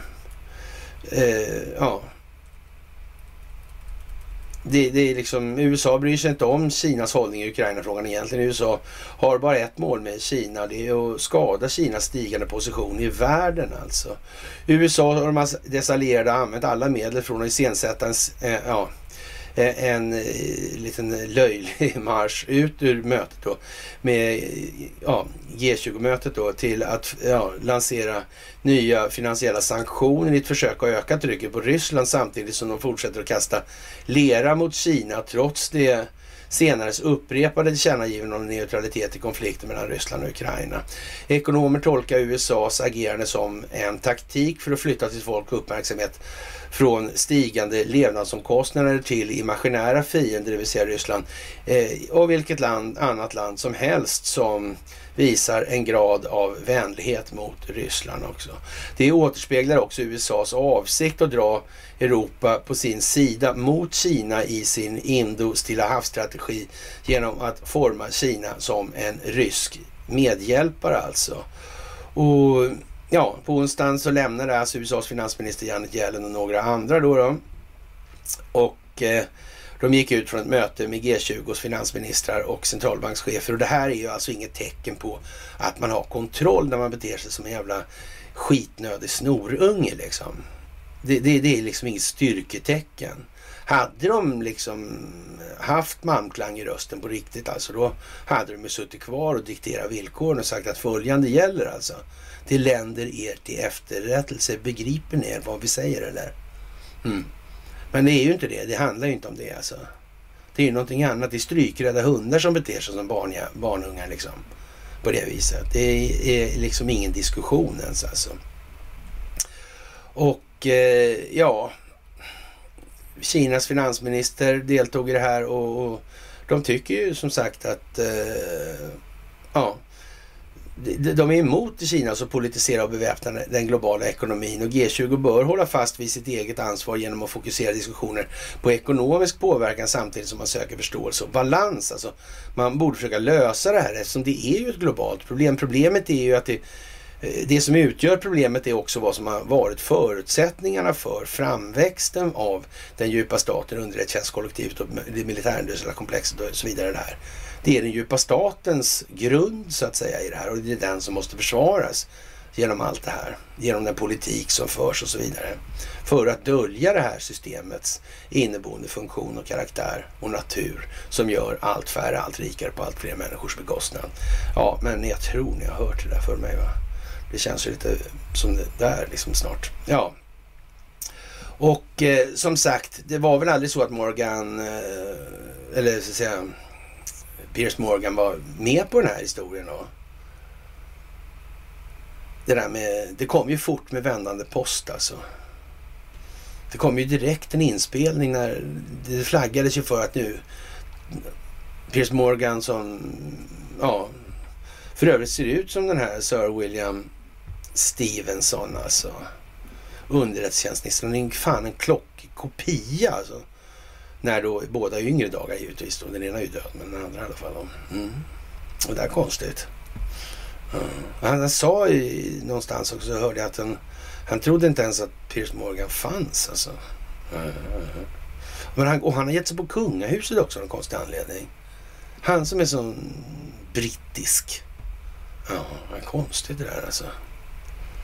Jag vet inte. Men han, Donald Trump och han verkar ju liksom ha, de var ju i, i själva eh, så att säga, teasern där, det var det ju, det var ju uppenbart sådär, uh, ja. Det verkade ju väldigt animerat då, men, men eh, sen så, eller han har en väldigt stor animositet i alla fall. Och, och ja. Men sen verkar det inte ha varit så ändå. Kan han ha varit med på det där? Rent utav. Hur länge skulle han... Och han har ju suttit länge i, i CNN och sådana grejer. Va? Han programledare och sådana grejer. Mm. Ja, det är konstigt. Skulle han ha kunnat vara? Lite som... Det finns ju flera sådana där äh, lirare på olika av de här äh, riktigt dåliga kanalerna. Och hon också, Rachel Maddow där. Verkar jättekonstig så här alltså. Hon, hon är inte dum säger Dacke Karlsson i alla fall som tydligen känner henne privat och det verkar ju helt osannolikt alltså. Ja. Det får nog fan inte vara för mycket känner i så fall för då ser det väldigt konstigt ut. Ja, ja, ja, ja. Ja, ja, som sagt. Sir William Stevenson, ja. Mm. Det är ju lite sådär som det är, ja. Jaha, dagens eh, juridik alltså. Ja. Det där är ju speciellt alltså. Den som söker den finner när finanspolisen fokuserar på sitt arbete på valutaväxling och utförsel av valuta från Sverige så är det där penningtvätt upptäcks. Enligt finanspolisen, yt, polisens ytterst läsvärda årsrapport som just har kommit, så publicerades den publicerades förra veckan alltså, har eh, misstänkt penningtvätt ökat med drygt 50 procent under eh, 2021. Men eftersom vi inte vet vad den totala förekomsten av penningtvätt är kan vi inte anta att ökad rapportering betyder mer penningtvätt. Men, eh, och det är ju självklart alltså, men ja som sagt, men man, de skriver som de gör. Alltså. Men vi kan anta att det är en begränsad andel av bytet som upptäcks. VD på en av de största bankerna i Norden har som bekant påpekat att det är cirka 1 av all penningtvätt som stoppas. Finanspolisens rapport redogör för ett brett spann. Alltså. Det här är ju rätt så viktigt. Det handlar ganska mycket om vår institutionaliserade korruption. Och det här är alltså då eh, ifrån då, eh, så att säga, Finanspolisens rapport då. Och Eh, de redogör för ett brett spann från kriminella pengar som tvättas i idrottsrörelsen, alltså systematiska kreditbedrägerier till filmiska scener med penningkurirer med kopplingar till centralasiatisk maffia som grips på Arlanda med väskorna fulla av kontanter. Vad som också framkommer i rapporten är att knappt några misstankerapporter kommer in från fastighetsmäklarbranschen, advokatbyråer och revisorer. Fastighetsinvesteringar som ett exempel är en vanligt förekommande metod internationellt för att placera kriminella intäkter som dock är svårtacklad då åtaganden mot penningtvätt står i konflikt med kommissions och incitamentstrukturer. Man kan fundera över om Sverige skulle kunna vara ett undantag i det här. Jaha. Med blicken mot framtiden pekar finanspolisen på den högst varierande kvaliteten på rapporteringen av misstänkt penningtvätt. Tänka sig alltså. Ja, det är konstigt. Ja, man tar också upp vikten av återkoppling om risker till tillvägagångssätt för att ha en rimlig chans att ens aspirera på att ligga steget före den ekonomiska brottsligheten. För den som är välorganiserad alltså. Ja, den är väldigt välorganiserad. Finanspolisen tar också upp den omfattande kopplingen mellan grov och organiserad brottslighet och misstänkta penningtvättstransaktioner i så kallade neobanker. I sammanhanget vill jag också tipsa om en ögonöppnande läsning om matchfixning, ekobrott och kopplingar till gängkriminalitet i DN-journalisten Jens Littorins nya bok Matchfixarna 2.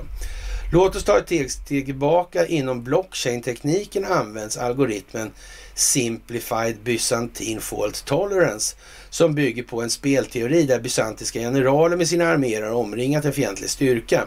Om generalerna kan enas via meddelanden sinsemellan för att attackera samtidigt attackera samtidigt besegras fienden.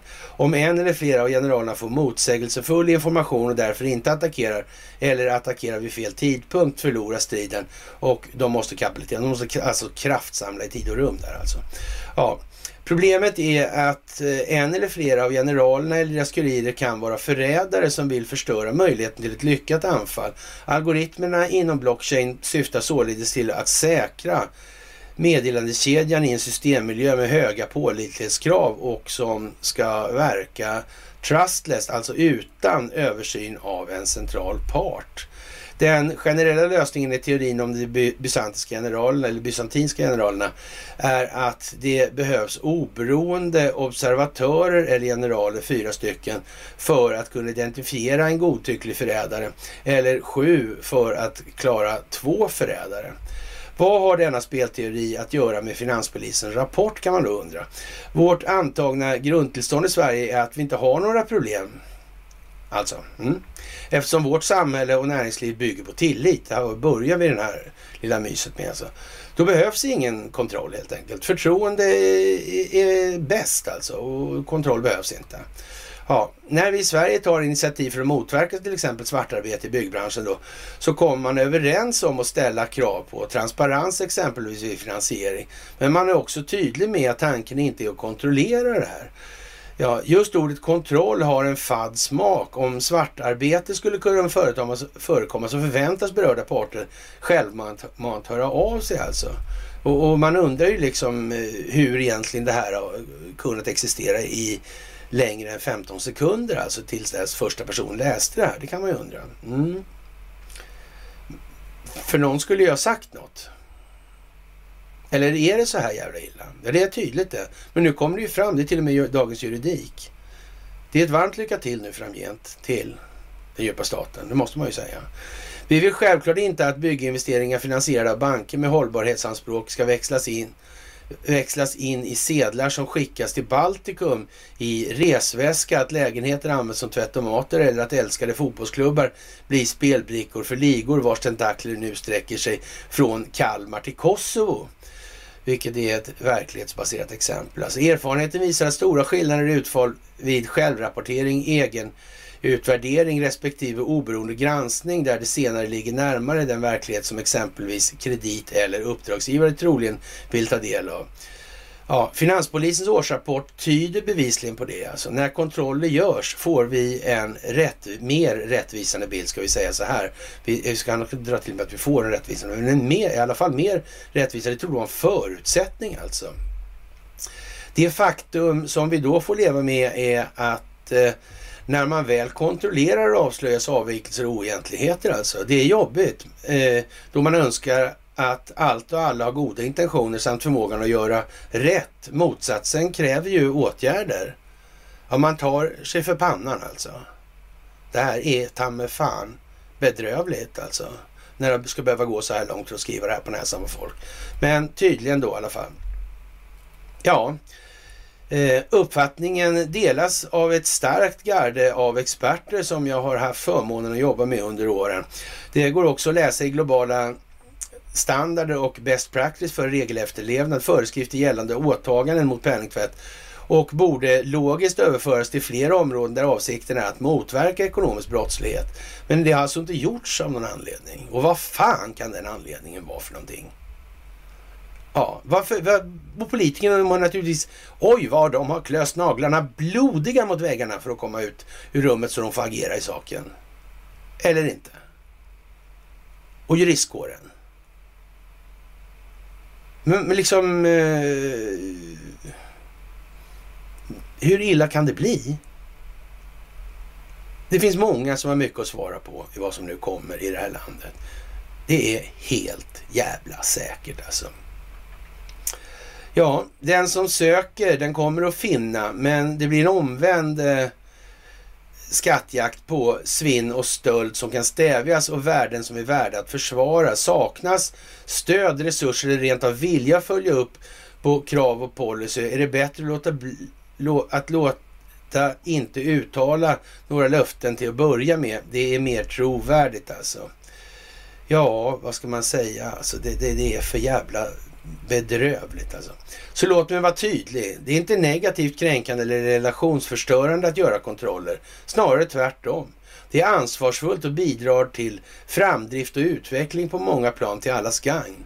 Det är en logisk och icke försumbar del i ett ständigt kvalitets och risk och säkerhetsarbete. Utmaningen är att förstå sina risker och göra kontroller där det är väsentligt.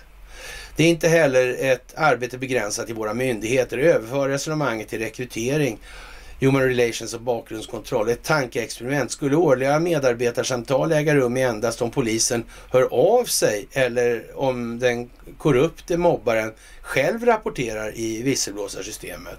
Och jag tror inte att händerna kommer att räckas upp självmant där ute i projekten när kriminella finns med i spelet. Så funkar inte den mänskliga algoritmen. Släpper vi inte taget om den tyvärr svårrealiserade tillitsönskan kan vi, som vi kan se så här i krönikan igen, då kan vi ses här igen om tio år och prata om samma spelteoretiska problem och kanske en ännu mer omfattande ekobrottslighet. Ja, men Sverige är vad det är helt enkelt.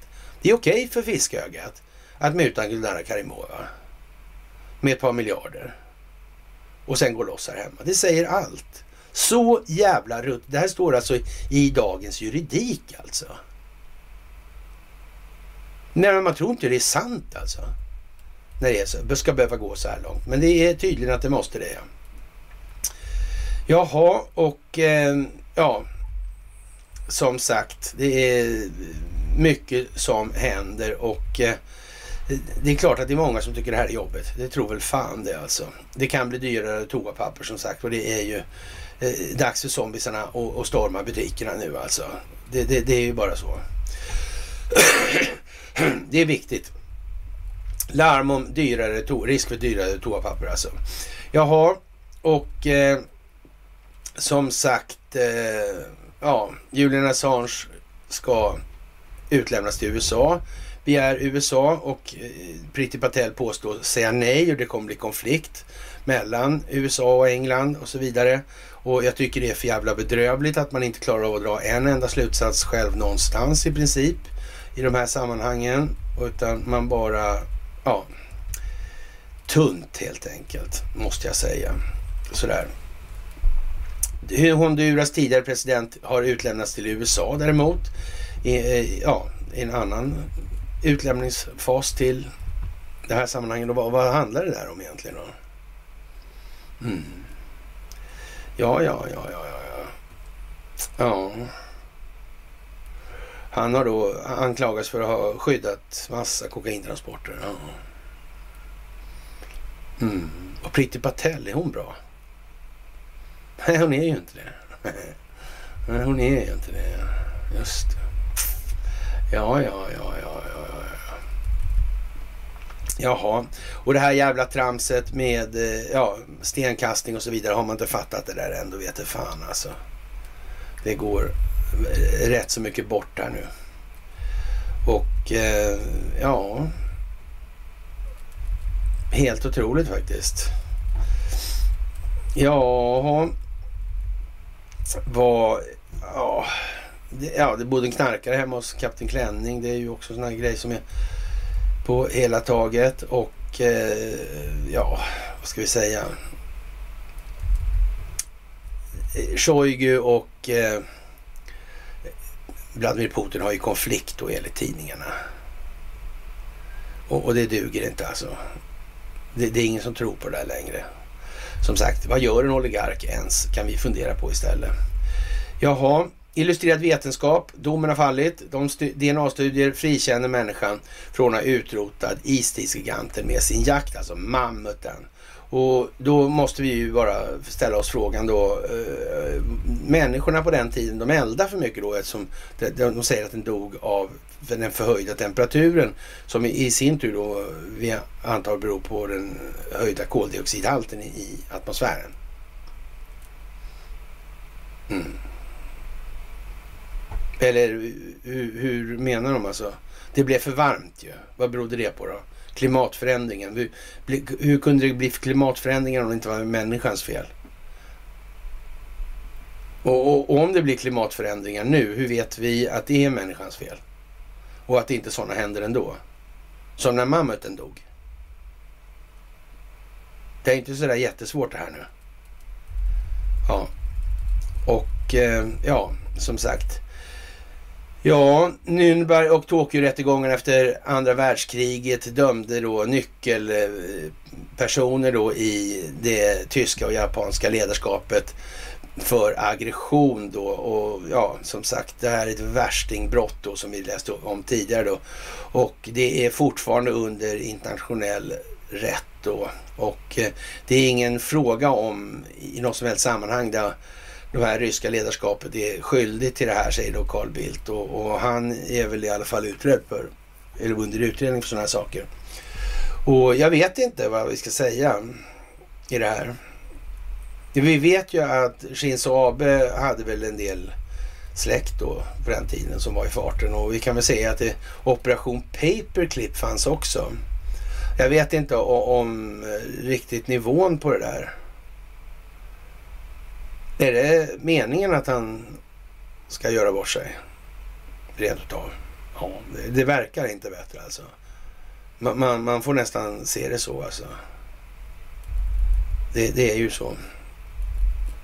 Och som sagt, Dumbodel i farten och eh, oligarkföretaget har väl aldrig mutat in kommunledningen i en liten fälla för att exponera det här. Det är väl inte så de har gjort. Och, och på riksnivå också. Det, det, är väl inte så det har gått till ändå. De har väl inte tagit muter av Deripaska ändå? Nej. Skulle de vara så nesligt fräcka att göra på det viset? De kanske inte har råd att ha den här strukturen kvar i det här landet för den verkar ha påverkat stora delar av jorden. Och ska man motverka det här på något sätt, hur ska man göra då tro? Mm. Ja, men vad säger man? Härska och söndring fungerar åt båda hållen. Det, säger man inte så? Jo, jag har för mig det, men jag kan ha fel. Jag kan ha fel alltså. Ja, ja, det är klart, det är klart, det är klart. Jaha, och eh, nu får en sjuksyra 100 000 spänn för att flytta på semestern då. då. 100 000 extra för en månad sådär om hon ställer in den då. Men det är som sagt, det är bara att hålla i. Och, och det där jävla träsket. Sjuk och landstingsträsket där alltså. Det måste ju städas. Det, det, är ju ingen som vet hur det där är stort. Eller, det, där kan man snacka om en koloss på lerfötter. Det finns experter för experternas skull så att säga. Det är ingenting att prata om ens alltså. Jaha, och eh, ja, NATO-debatten i Finland går naturligtvis på att riskerna för det här med kärnvapen. Vad är det här med kärnvapen egentligen? Kanske måste vi rösta upp till människor förstår den verkliga innebörden. Anders Åslund, vilket geni alltså godtycklig bombning av ryska städer. Ja, som sagt. Det vill inte ges ändå det här med eh, Rusal och, och Kubal alltså. De har alltså skickat brev till Sveriges ambassadör alltså. I Ryssland då. Mm. Konstigt. Ambassadören i Moskva alltså, med uppmaning att tillvarata bolagets intressen alltså. Hur, varför kommer de med sådana grejer för? Har de ring i bakfickan på det här? Det är väl inte så? Varför säger inte bara mm, då ambassadören, men vad fan, ni håller på att begå krigsbrott i Ukraina, dra åt helvete. Eller motsvarande. Varför gör de inte det? Varför är de så undfallna för? Det är väl inte så att de har stoppat fingrarna i burken? Sitter med pungkulorna i björnsaxen helt enkelt. Ja. Ja, ja, ja, ja, ja. Som sagt. Polisen upplever datastörningar och skaffar en överblick över de problemen. Det är väl aldrig så att det är då NSA eller Space Force som är i farten där. Det kan det väl inte vara bakom då DOJ. Ja, CNN har gjort en jättesuccé med sin nya CNN Plus i alla fall. Och den läggs ner efter 21 dagar. Det är fantastiskt alltså. Det måste man ju säga. Anders Åslund tycker man inte kan bara sitta och titta nu utan man måste ge så mycket tunga vapen som möjligt till Ukraina alltså, och speciellt Tyskland. Och man måste införa maximala sanktioner mot Ryssland direkt alltså. Och man måste öppna Odessa hamnen här och han, Putin har alltså ingen laglig rätt alltså till att minera och blockera den här. Och, och med det sagt då, vad menar han? Vad, vadå? Ja men det var ju den där båten, var det inte, ramlade inte den ner, eh, sjönk inte den? Den ramlade inte ner i botten någonstans? Är det så de har gjort för att få ut minerna? Jaha, de har gjort världens största minankare. Ja men så kan det ju vara. Så tokigt. Ja, miljörörelsen får rycka ut. Om det är så så måste miljörörelsen rycka ut och, och så där får man inte hålla på. Det är ju förbjudet ju. Ja. Sådär alltså. Ja. Jaha. Det är ju, eh, ja. Han verkar stressad den där alltså. Bombar relevant amerikansk, eller ryska städer i, i förebyggande syfte för att säkra att Vladimir Putin inte använder kemiska vapen eller kärnvapen. Vakna! Eh, vi är på den här nivån, säger eh, Åslund. Men han verkar inte riktigt klok. Nej, men det har jag tror jag sagt någon gång tidigare faktiskt. Att han är en riktig jävla idiot alltså. Ja, ja, ja, ja. Och så säger man då att det verkar, finns uppgifter som cirkulerar som säger att ryssarna iscensatte den här sänkningen av Moskva på ett briljant sätt alltså. Det är bara en eh, liten och eh, så att säga smal passage in i Svarta havet, 135 meter bred ungefär då. då. Och eh, ja, in mot hamnarna då, Odessa och Nikolajev. Ryssarna har då eh, i princip då sänkt ett helt meningslöst ett skepp som inte egentligen var så mycket att ha då. då. Ja, och, och, med all säkerhet då så har de stängt in då 12 stycken NATO-ubåtar och, och, en, en av dem som är reaktordriven alltså. Och 80 NATO-skepp alltså.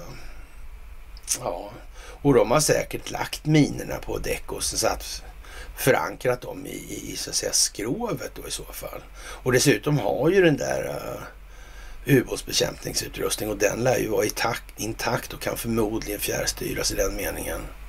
Det skulle man ju kunna tänka sig. Ja, ja. De kanske har gjort sådana som James Bond eller, ja, i, i, i Shanghai. Va? Den här, båtvrak som låg där ute så hade MI6 liksom byggt en hemlig anläggning där. Ja. Kanske med tanke på hans Piers Morgan kanske, jag vet ju inte. Ja, ja, ja, ja. Åklagarmyndigheten ska rånarens utlägg för flyktbil vara avdragsgillt. Då var vi hemma i Sverige igen ja. Mm. Men det gäller ju att få folk att vakna nu alltså. Det är ju bara så alltså. Jaha, Turkiets utrikesdepartement har starkt fördömt högerextremisters brännande av en kopia av Koranen i Sverige. Och så sagt, ett uttalande från ministeriet fördömde kraftigt attacker och provokationer mot islam, muslimer, Koranen och platser för tillbedjan som registreras i olika delar av världen under Ramadan, den muslimska fastemånaden. Som en sista utväg har avskyvärda attacker mot vår heliga bok Koranen i Sverige visat att eh, Inga lärdomar har dragits av det förflutna, att det fortfarande finns en ovilja mot att förhindra antiislamiska och rasistiska provokationer och hatbrott tolereras öppet under förevändning av yttrandefrihet, heter det. Mm. Det var inte så bra kanske när hela världen började se vad Sverige håller på med. Faktiskt. Det verkar som att allt flera ser det helt uppenbart vad som ligger bakom det här. Och vet vilka som instigerar, initierar och så vidare. Mm.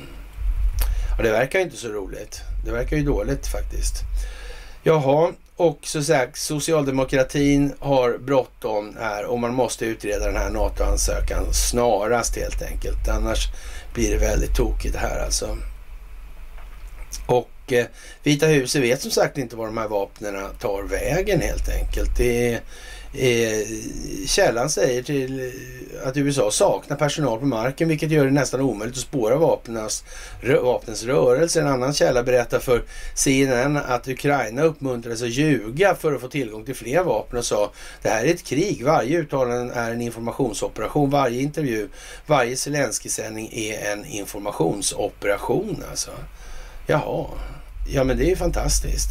Och de här beväpningarna har skapat miliser och så vidare. Ja men vad kan möjligen gå fel här alltså? Det är helt fantastiskt alltså. Ja, och eh, jag vet inte, vi kanske inte ska hålla på och dutta för mycket i smått alltså. Den mediala ställtiden alltså, eh, ja, tiden till verkställighet eller vad vi ska kalla det för när den börjar bli så kort som den blir i fallet med Piers Morgan så är det ett tecken. Här motverkan kommer ju direkt. Va? Han skickar upp den här, eh, ja han och han, han skickar upp den här då. då ja, trailern då som visar att de blir väldigt osams och så vidare. Och den hinner ju inte mer än börja spridas så kommer ju det här då meddelandet, den här inspelade delen som innehåller hela då, där det framgår precis tvärtom alltså. Och det här är ju så dumt så att det, vi visste verkligen, kunde inte de räkna ut det? Det verkar konstigt. Mm. Var det planerat? Ja, kanske det kanske. Man vet ju inte. Sådär. Eller så vet man ju det. Mm. Faktiskt. Rätt så säkert. Jaha. Och eh, mer då? Det är Janet Yellen som sagt det där är speciellt. Det är det. Och det är riktigt dåligt. Och det kommer att bli vad det blir. Också helt säkert. Och ja, paret Obama lämnar Spotify. Det är ju lite snasksmått sådär. Så det, det spelar väl... Ja, och Kina kritiserar Sveriges behandling av muslimer precis som Turkiet då. Och ja, det är ju, Kina gick ut på onsdagen, alltså efter vi hade haft mys då, och, och kritiserade Sverige för dålig behandling av muslimer i samband med påskens våldsamma upplopp i flera svenska städer. Ja, vad ska vi säga? Ni ser ju, det går runt, runt återigen här och ja, faktiskt. Det är den här eh, äh, Rasmus Paludan alltså. Men shit alltså. Ja, det där är som sagt det nivå som vi eh, ja, hoppas vi slipper snart. Alltså, bakom talet att domstolarna ska skydda den enskilda mot överheten ligger en antidemokratisk kritik mot det parlamentariska styrelseskicket. Det är därför ett farligt talesätt, säger då Lennart Geijer. Och Lennart Geijer alltså, mm, hur var det där egentligen? Var lite hårdrocks business anknytningsvarning på honom, var det inte det? Mm. Det går runt det här, kära vänner. Det går runt alltså. Ja, vi har... Det, vi kan ju hålla på i, i åratal, eller dagar i alla fall nu, men det händer så mycket så. Och eh, Florida har klätt av Disney möjligheterna att hålla på som de gör i stora drag, alltså i klara drag alltså. Och Och eh, ja, norska solcellsföretagare till domstol efter affär kopplad till Sundsvalls oligark och det är naturligtvis en SVT-nyhet. Det är viktigt att det här kommer upp alltså. Men det gäller den andra och det gäller inte vår Oleg Deripaska, det gäller Viktor Wexelberg. Och, och, det är klart, eh, en riktig blåsning sådär. Men hur kommer det så här att det har blivit så här egentligen? Ja, det kan man ju fråga sig. Det kanske är meningen att det ska visa sig också. Och eh, jag vet inte faktiskt om vi egentligen ska dra det så långt. Naturligtvis ska vi väl ta upp då att Anders Lindberg har bytt fot och numera pro NATO här. Det hann ju hända en del sen förra gången faktiskt. Sådär. Och Andreas Cervenka, eh, ja, han är, han är ju som han är då och det behöver vi inte heller ta upp. Och som sagt, de första vindparken är godkänt för frekvensreglering, det vill säga att köra baklänges. Och, och jag vet inte, det, det börjar ju bli rätt mycket som är rätt så tydligt nu, men det kanske är, är liksom... Eh, dessutom har då, då Republikanerna i representanthuset har Hunter Bidens dator för säkerhets skull då. Och ja, som sagt, det här ska spelas och det är många steg kvar i det här spelet och det är fantastiskt att få göra det här tillsammans med er. Det måste jag säga. Och eh, det går ju att hålla på och mala det här hur länge som helst och det måste vi göra också. Det går inte annars. Vi måste reda ut det här och människor måste förstå fundamenten. De måste förstå att det finns koordinerade och samverkande krafter som motverkar den djupa staten och att i de här sammanhanget så är entiteter som länder inget lämpligt begrepp att använda eftersom alla länder har den djupa staten inom ram, ramen för sin egen statsförvaltning och sin egen politiska ledning. Det blir helt fel. Det blir helt missvisande. Det bör man låta bli helt enkelt. Och eh, jag vet inte, ni ska ha det största av tack som vanligt. Det ska ni alltid ha och det gäller idag också. Ni är fantastiska. Det här är otroligt roligt att göra tillsammans. Och eh, som sagt, lyft blicken, näsan högt i den meningen. För, försök håll ett så vitt perspektiv ni kan i det här. Försök att korstabulera sekvenserna ur olika perspektiv i det här. Och med det får väl jag tacka för det här fredagsmyset och önska härskapet en fantastiskt trevlig helg. Och eh, så återkommer vi då senast måndag och jag vet egentligen inte vad ni märker själva, dramatiken är ju så och till slut om vi hade klivit på och börjat ta vid en så att säga dramaturgihöjning eller intensitetshöjning där. Ja, till slut hade ju flera 16 mys om dagen alltså. Och det, det går ju inte. Jag måste hinna röka emellan också. Mm. Med det, kära vänner, en riktigt trevlig helg på er alla så hörs vi senast på måndag. Hej!